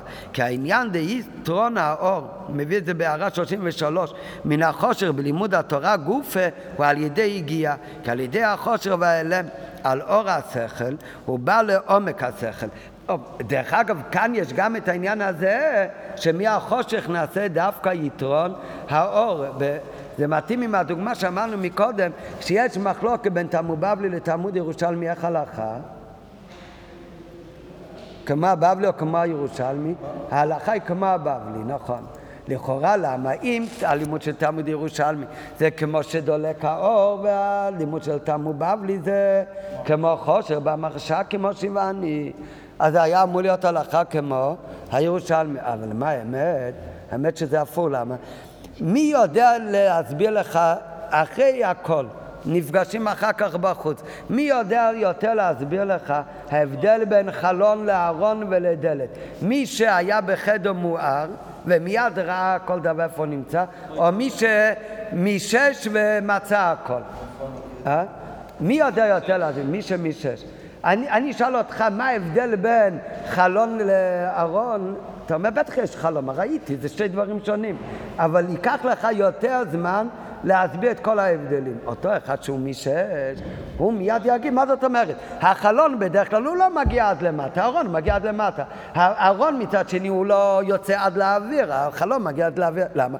כי הוא, על ידי היגיעה שלו, הגיע הרבה יותר לעומק ההבדל בין הדברים. זה ממש היתרון האור הבא מן החושך. כשמלכתחילה יש אור, אז שם היתרון ער הבא מן החשך. אז גם החושך מתהפך, מה הכוונה? הוא מוסיף לו בעומק של הלימוד באמת. דווקא על ידי הקושיות שהעלימו על השכל, אז דווקא מזה הוא מגיע אחר כך, זה מוציא יותר עומק בשכל. מספרים, זה, זה לא נוגע לכך, אבל אה, אומרים מי, מי, מי גילה שיש כוח משיכה, איך קוראים לו? ניוטון למשל, כן, אומרים שהוא פעם הלך ונפל עליו תפוח, אז הוא אומר למה תפוח נופל למטה ולא כלפי מעלה? נו, אז מה זה, מה זה? מגוחם, עד, עד שהוא הגיע אף אחד לא שאל את זה, ככה זה, זה טוב ככה. כששואלים למה זה ככה, למה זה לא קורה הפוך, השאלה עצמה זה מעורר את העומק של השכל. אז אותו דבר כי על ידי החושך והאלם, על אור השכל, שלכן צריך להיות הוגים בתורה, אז הוא בא לעומק השכל. או כידוע במל"ד לימוד תלמוד בבלי על תלמוד ירושלמי. זה הערה שלושים ושלוש. בהערה שלושים וארבע הוא מוסיף שלפי זה אצל האדמו הזקן מה אמרנו שהיה, אצל יעקב אבינו לא היה מציאות של חושך, זה היה רק עדר האור. ועל ידי שהאור הבלי גבול מגיע בכל מקום, מרגישים יותר את המעלה, ולא שמתווסף באמת תוספת באור. לעומת זאת, אצל השבטים, שם יש כבר מושג של חושך. ולכן שם ייצן ער באור מן החשך על ידי הפיכת החושך לאור, אז זה מעלה יותר גדולה. הלשון שעמד מד"א, כן, שענה לצמח צדק, אומר כשנמצאים במצרים ושם פותחים בית תלמוד, אז גם שם יכולים להיות קרוב לקודש ברוך הוא. ביידיש הוא אמר לו, אז מלאן תרא ואטמננטו צומי בשן. על ידי לימוד תורה נהיים יותר קרובים לקודש ברוך הוא. לגבי הדאגה של יעקב אבינו, צריך להתקרב לקודש ברוך הוא. מצד הדאגה של יעקב אבינו לא צריך להתקרב יותר, כי אף פעם בכלל לא יכול להיות מצב של להיות רחוק ממנו. דווקא איפה שיש מציאות של חושך, מצד נשמות של ביאה, אז שם יכול להיות מושג, מושג של רחוק, ועל זה על ידי לימוד התורה הוא מתקרב, הוא נעשה יותר קרוב. ואז נעשה הפיכת החושך לאור. ובדוגמת הידוע שעל ידי עבודה בביאה מוסיפין אור באצילות, שכתוב על ידי שעובדים בביאה אז בסוף נעשה מזה תוספת אורו גם בעולם האצילות, אז אותו דבר, בגלל שיעקב אבינו פתח בייס תלמוד לשבטים, אז המעלה של השבטים פעל שיהיה יתרון האור גם ליעקב אבינו. נשאל לנו רק השאלה האחרונה, אבל כדי לתרץ את השאלה, את זה הוא כבר מתרץ בתוך ההוראות בעבודת השם מכל העניין שלמדנו עד עכשיו. במפורש, מה אמר האדמה הזקן אה, לצמח צדק? אחרי כל הפלפול אנחנו עכשיו מבינים שעל ידי שהוא רמז לו את המדרש וזה הולך על השבטים אז באמת הוא רמז לו שהשנים רק, לא רק שהם גם טובים במצרים אלא שהכי טובים הם במצרים. הרי שהשנים הם גם טובים במצרים. זה פירוש הראשון בישונאי רבו מן החשך שזה מאיר אפילו במצרים אבל הרי רוצים להסביר שהשנים הכי טובות היו במצרים. זאת אומרת, דווקא שם יש מעלה שלא היה במקום אחר. וזה נעשה באמת דווקא על ידי הפירוש השני של יצונו רבו מן החשך, שהחושך עצמו מתהפך, וזה נעשה בעיקר, לא אצל יעקב אלא, זה השבטים מרמז את זה. אבל זה לא מה שאמר אדמה זקן לצמח צדק. אדמה הזקן לצמח צדק לא אמר לו את כל הפלפול הזה, הוא רק רמז לו את זה בזה שהוא אמר שכתוב במדרש. אבל הוא לא אמר לו את, את כל הפירוש הזה במפורש, שכשלומדים במצרים תורה, ולומדים תורה לא כמו יעקב אבינו, אלא גם כשנרגש עניין של חושך, גם את זה הופכים, זה נהיה יתונר מן החשך. זה אמר צמח צדק שהוא היה גדול במאמר שהיתרון האור הוא נמשך מן החושך, ממציאות של חושך. שלפי זה הרב מסביר, זה יתבטא בעיקר בשבטים. אדמה כן, זה רק היה בדרך רמז. במה הוא רמז את זה? במדרש, ששם כתוב שזה השבטים. סימן שהעניין הזה הוא מודגש יותר איפה שיש עניין של חושך. למה זה באמת ככה? העבודה של יהודי, איזה יתרון האור בא מן החושך יהודי צריך לחפש? הראשון או השני? הראשון. הראשון. יהודי אמור לחפש חושך כדי להפוך. יהודי צריך לחפש שלא יהיה אצלו מושג של חושך. יהודי העבודה שלו צריך להיות עשה טוב. יש עניין של רע, מה צריך להיות הגישה לרע? סור אומר, אל תהפוך לי שום רע, אתה תברח מהרע כמו מיש. כן? אה, יש רע, אתה כל כך תלמד ותתפלל, יגרש את כל הרע. יצאנו רבו מן החשך הראשון. עם הרע עצמו, מה אתה מתעסק בכלל עם הרע? אין מציאות של רע, לא אמור להיות אצלך מציאות של רע בכלל. איפה יש מציאות של רע? יכול להיות ליהודי מגיע לידי ניסיון. ניסיון, אבל שם יש דברים רעים, והוא צריך להתגבר עליהם. כתוב שבן אדם יש לו ניסיון מדבר עבירה והוא מתגבר, אז זה, בזה שהוא מתגבר על הרע, בזה הוא העלה באמת את הרע. וזה הרע בא גם כן לידי בירו. על ידי שאתה מתגבר כמובן, לא שאתה תעשה את הרע. אם אתה תעשה את הרע, לא הפכת את הרע לאור, את החושך לאור, אלא חיבאת את האור קצת. אבל זה, אנחנו מדברים, בן אדם מגיע לידי ניסיון.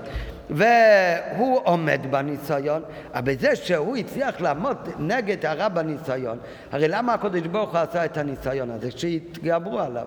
אז בזה הגיע הניסיון הרע הזה באמת למטרה שלשמה הוא נברא, ועל ידי זה נעשה עלייה אפילו ברע. זה ממש יתרון האור הבא מן החושך. כן? יש עוד אופציה יצאנו רבו מן החושך. יהודי חס וחלילה הוא כבר נכשל בעבירה, הוא אכל לא כשר, אחרי שהוא אכל לא כשר יש לו כבר עסק עם הרע.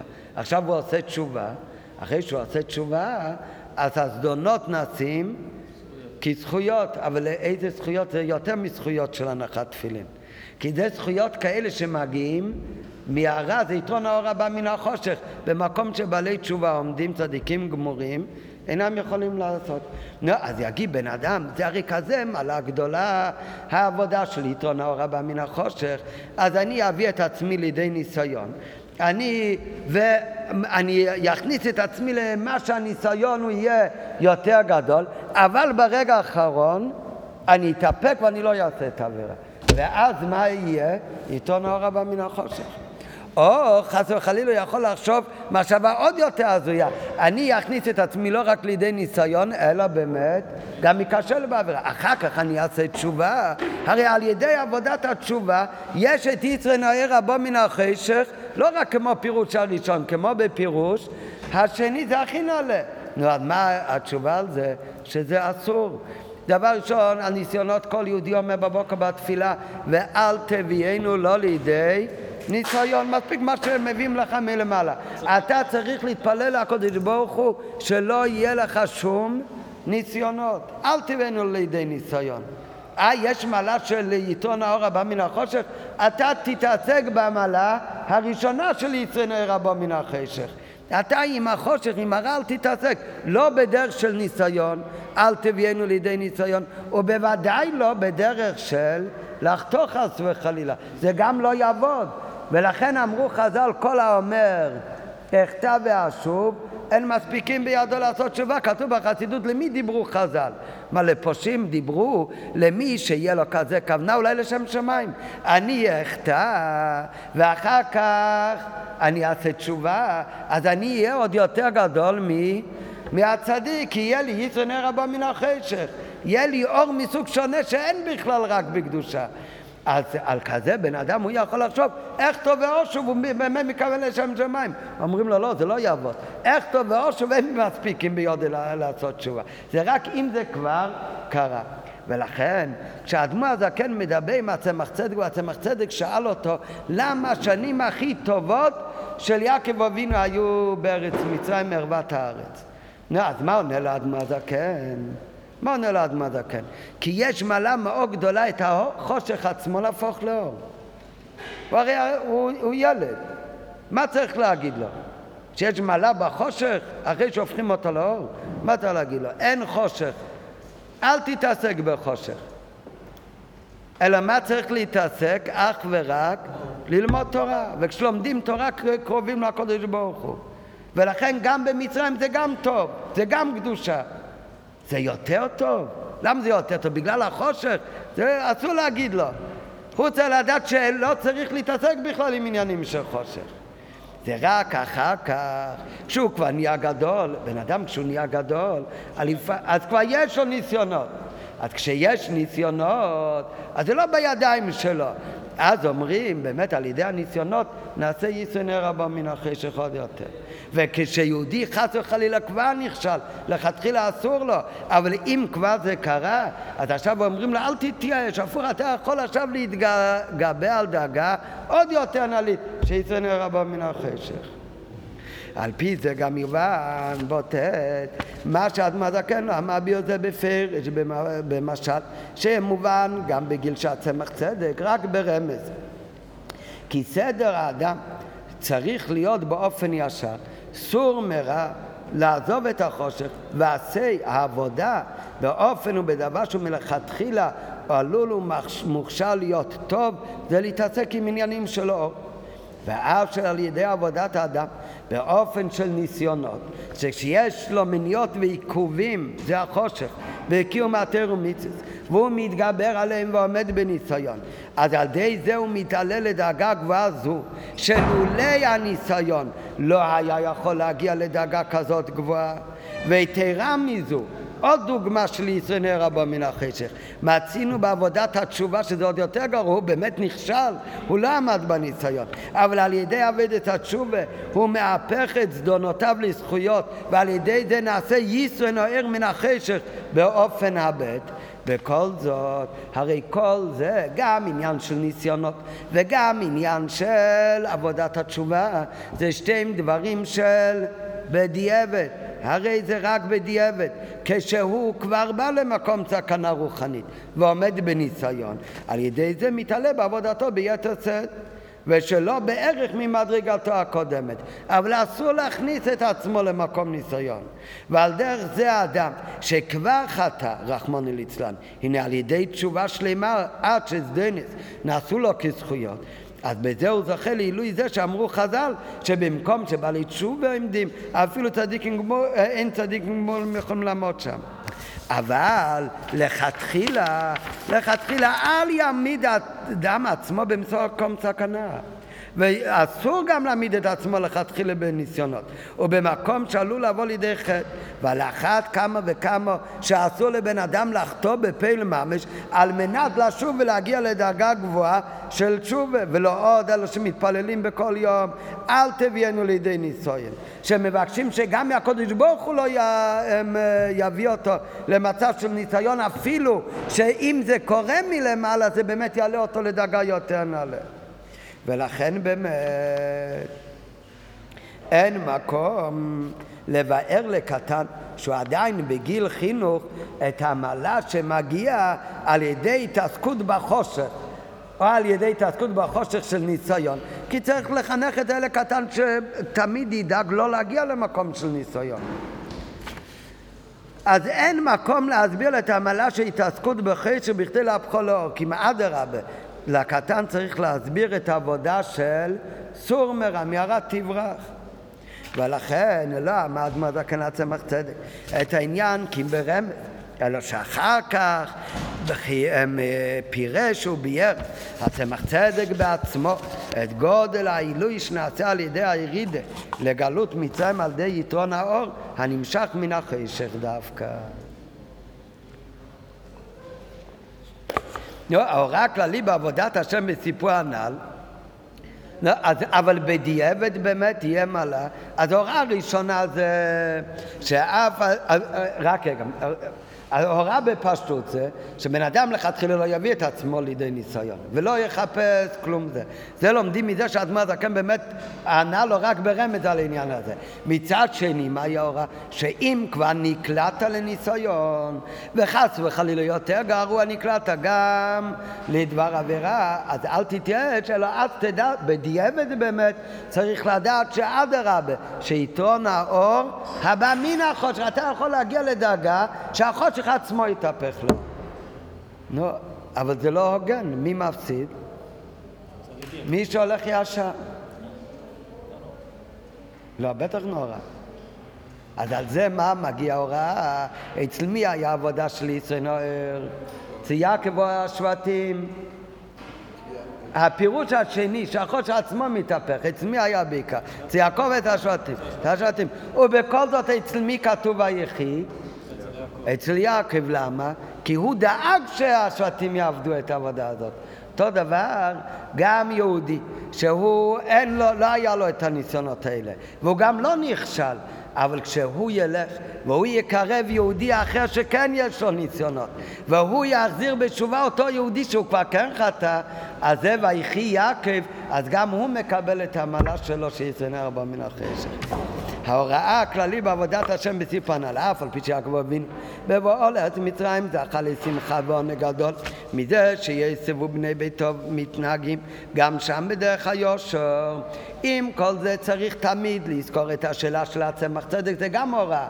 צריך איך ייתכן לומר ששנים אלו שנמצא במיצרים וגבולים של ארץ מצרים יהיו מבחר שנותיו. והיינו משום שתכלית הכוונה בירידת הנשומי שאדם על ידי עבודתו מלכתחילה לא יכניס את עצמו למצב של מיצרים וגבולים, הוא לא אמור להכניס את עצמו לניסיונות, זה כבר התחלה לא טובה. ולכן צריך תמיד לזכור גם את השאלה של הצמח צדק. איך זה יכול להיות מבחר שנותיו? זה צריך גם להיות הוראה בעבודת השם. אל תכניס את עצמך למצב של מצרים. אם אתה רואה עניין של מצרים, אתה צריך לברוח בחיפזון תקף ומיד ממצרים. לאידך גיסא, אם כבר נמצא במיצר וגבול, אם משמיים קרה שהוא כבר שמה והוא לא יכול לברוח משם, אז באמת עבודתו היא גם שמה להפוך את המקום ולדאוג שיעשה מזה מבחר שנותיו. אם הוא אמור לדאוג לברוח משם, אבל אם הוא לא יכול, אז זה סימן שהוא צריך לעשות, להפוך את זה למבחר שנותיו. ואצל, איך אומרים בעברית? יש לך לימון תעשה, למנה, נכון? עדיף שיהיה לך משהו מתוק, אבל אם כבר... וסדר עבודה והוראה איך להגיע לזה מבוארים במנה של אלתר רבי. בפשטס המייני שלו היא, דבר ראשון זה הוראה לאלו שעבודתם הוא בסדר ישר. גם אם אתה כבר הגעת למקום כמו מצרים, תשב תלמד שם ולא תתעסק עם החושך. כמו שהיה לימוד היציאה, כן. עשה אלוקים את האדם ישר, ואף אלו שמצד גזירה עליונה ושליחותם בעל מדין, הם נמצאים במיצרים וגבולים של העולם הזה, ואפילו אם זה במקומו כאלה, שבעולם הזה גוף הם לא רק מיצרים וגבולים, אלא ערוות הארץ, עליהם לדעת שעבודתם היא לא רק למנוע ירידה חס וחלילה, אלא גם שמה לעשות לו יסבורך דירו בתחתינים. על ידי מה עושים את זה? המשוך העצמוס הבלתי בגבול. גם כשנמצאים בתוככי מיצרים וגבולים של אהבת הארץ, מה העצה לזה? איך ממשיכים אורה בלי גבול? על ידי לימוד תורה. כי התורה פתח לו בהסתלמו ושלומדים תורה מתקרבים לקדוש ברוך הוא. אתה נמצא במיצרים וגבולים בתל אביב, אז גם כאן צריך לעשות דירה בתחתינים על ידי מה? פתח לו בייס תלמוד, צריך לשבת כאן וללמוד תורה בניין, נכון? ממשיכים את תורה בלי גבול. על ידי לימוד תורה, שזה גילוי חוכמתו ורצונו יתברך, שלמעלה מהגבלות ושינויים. ועל ידי זה ניתן הכוח להתעלות מעל מיצרים וגבולים כנ"ל. ולא זה בלבד, שמצרים אם הוא לומד תורה לא תגביל ולא תוריד אותו חס וחלילה, אלא אדרבה, בזה הוא יזכה גם לבחינת ויחי, שגם חיים אמיתיים יהיה לו בארץ מצרים. טוב, אבל זה עוד לא ניסיונות. אולם כל זה, זה רק לא הולכי ישר, שעל ידי עבודתם בלימוד התורה אז זה גורם שהם לכתחילה לא יהיו ניתנים תחת שליטת המיצרים והגבלות בארץ מצרים. יש כאלה שיושבים ולומדים תורה, באותו רגע זה כבר מנטרל להם את כל הניסיונות.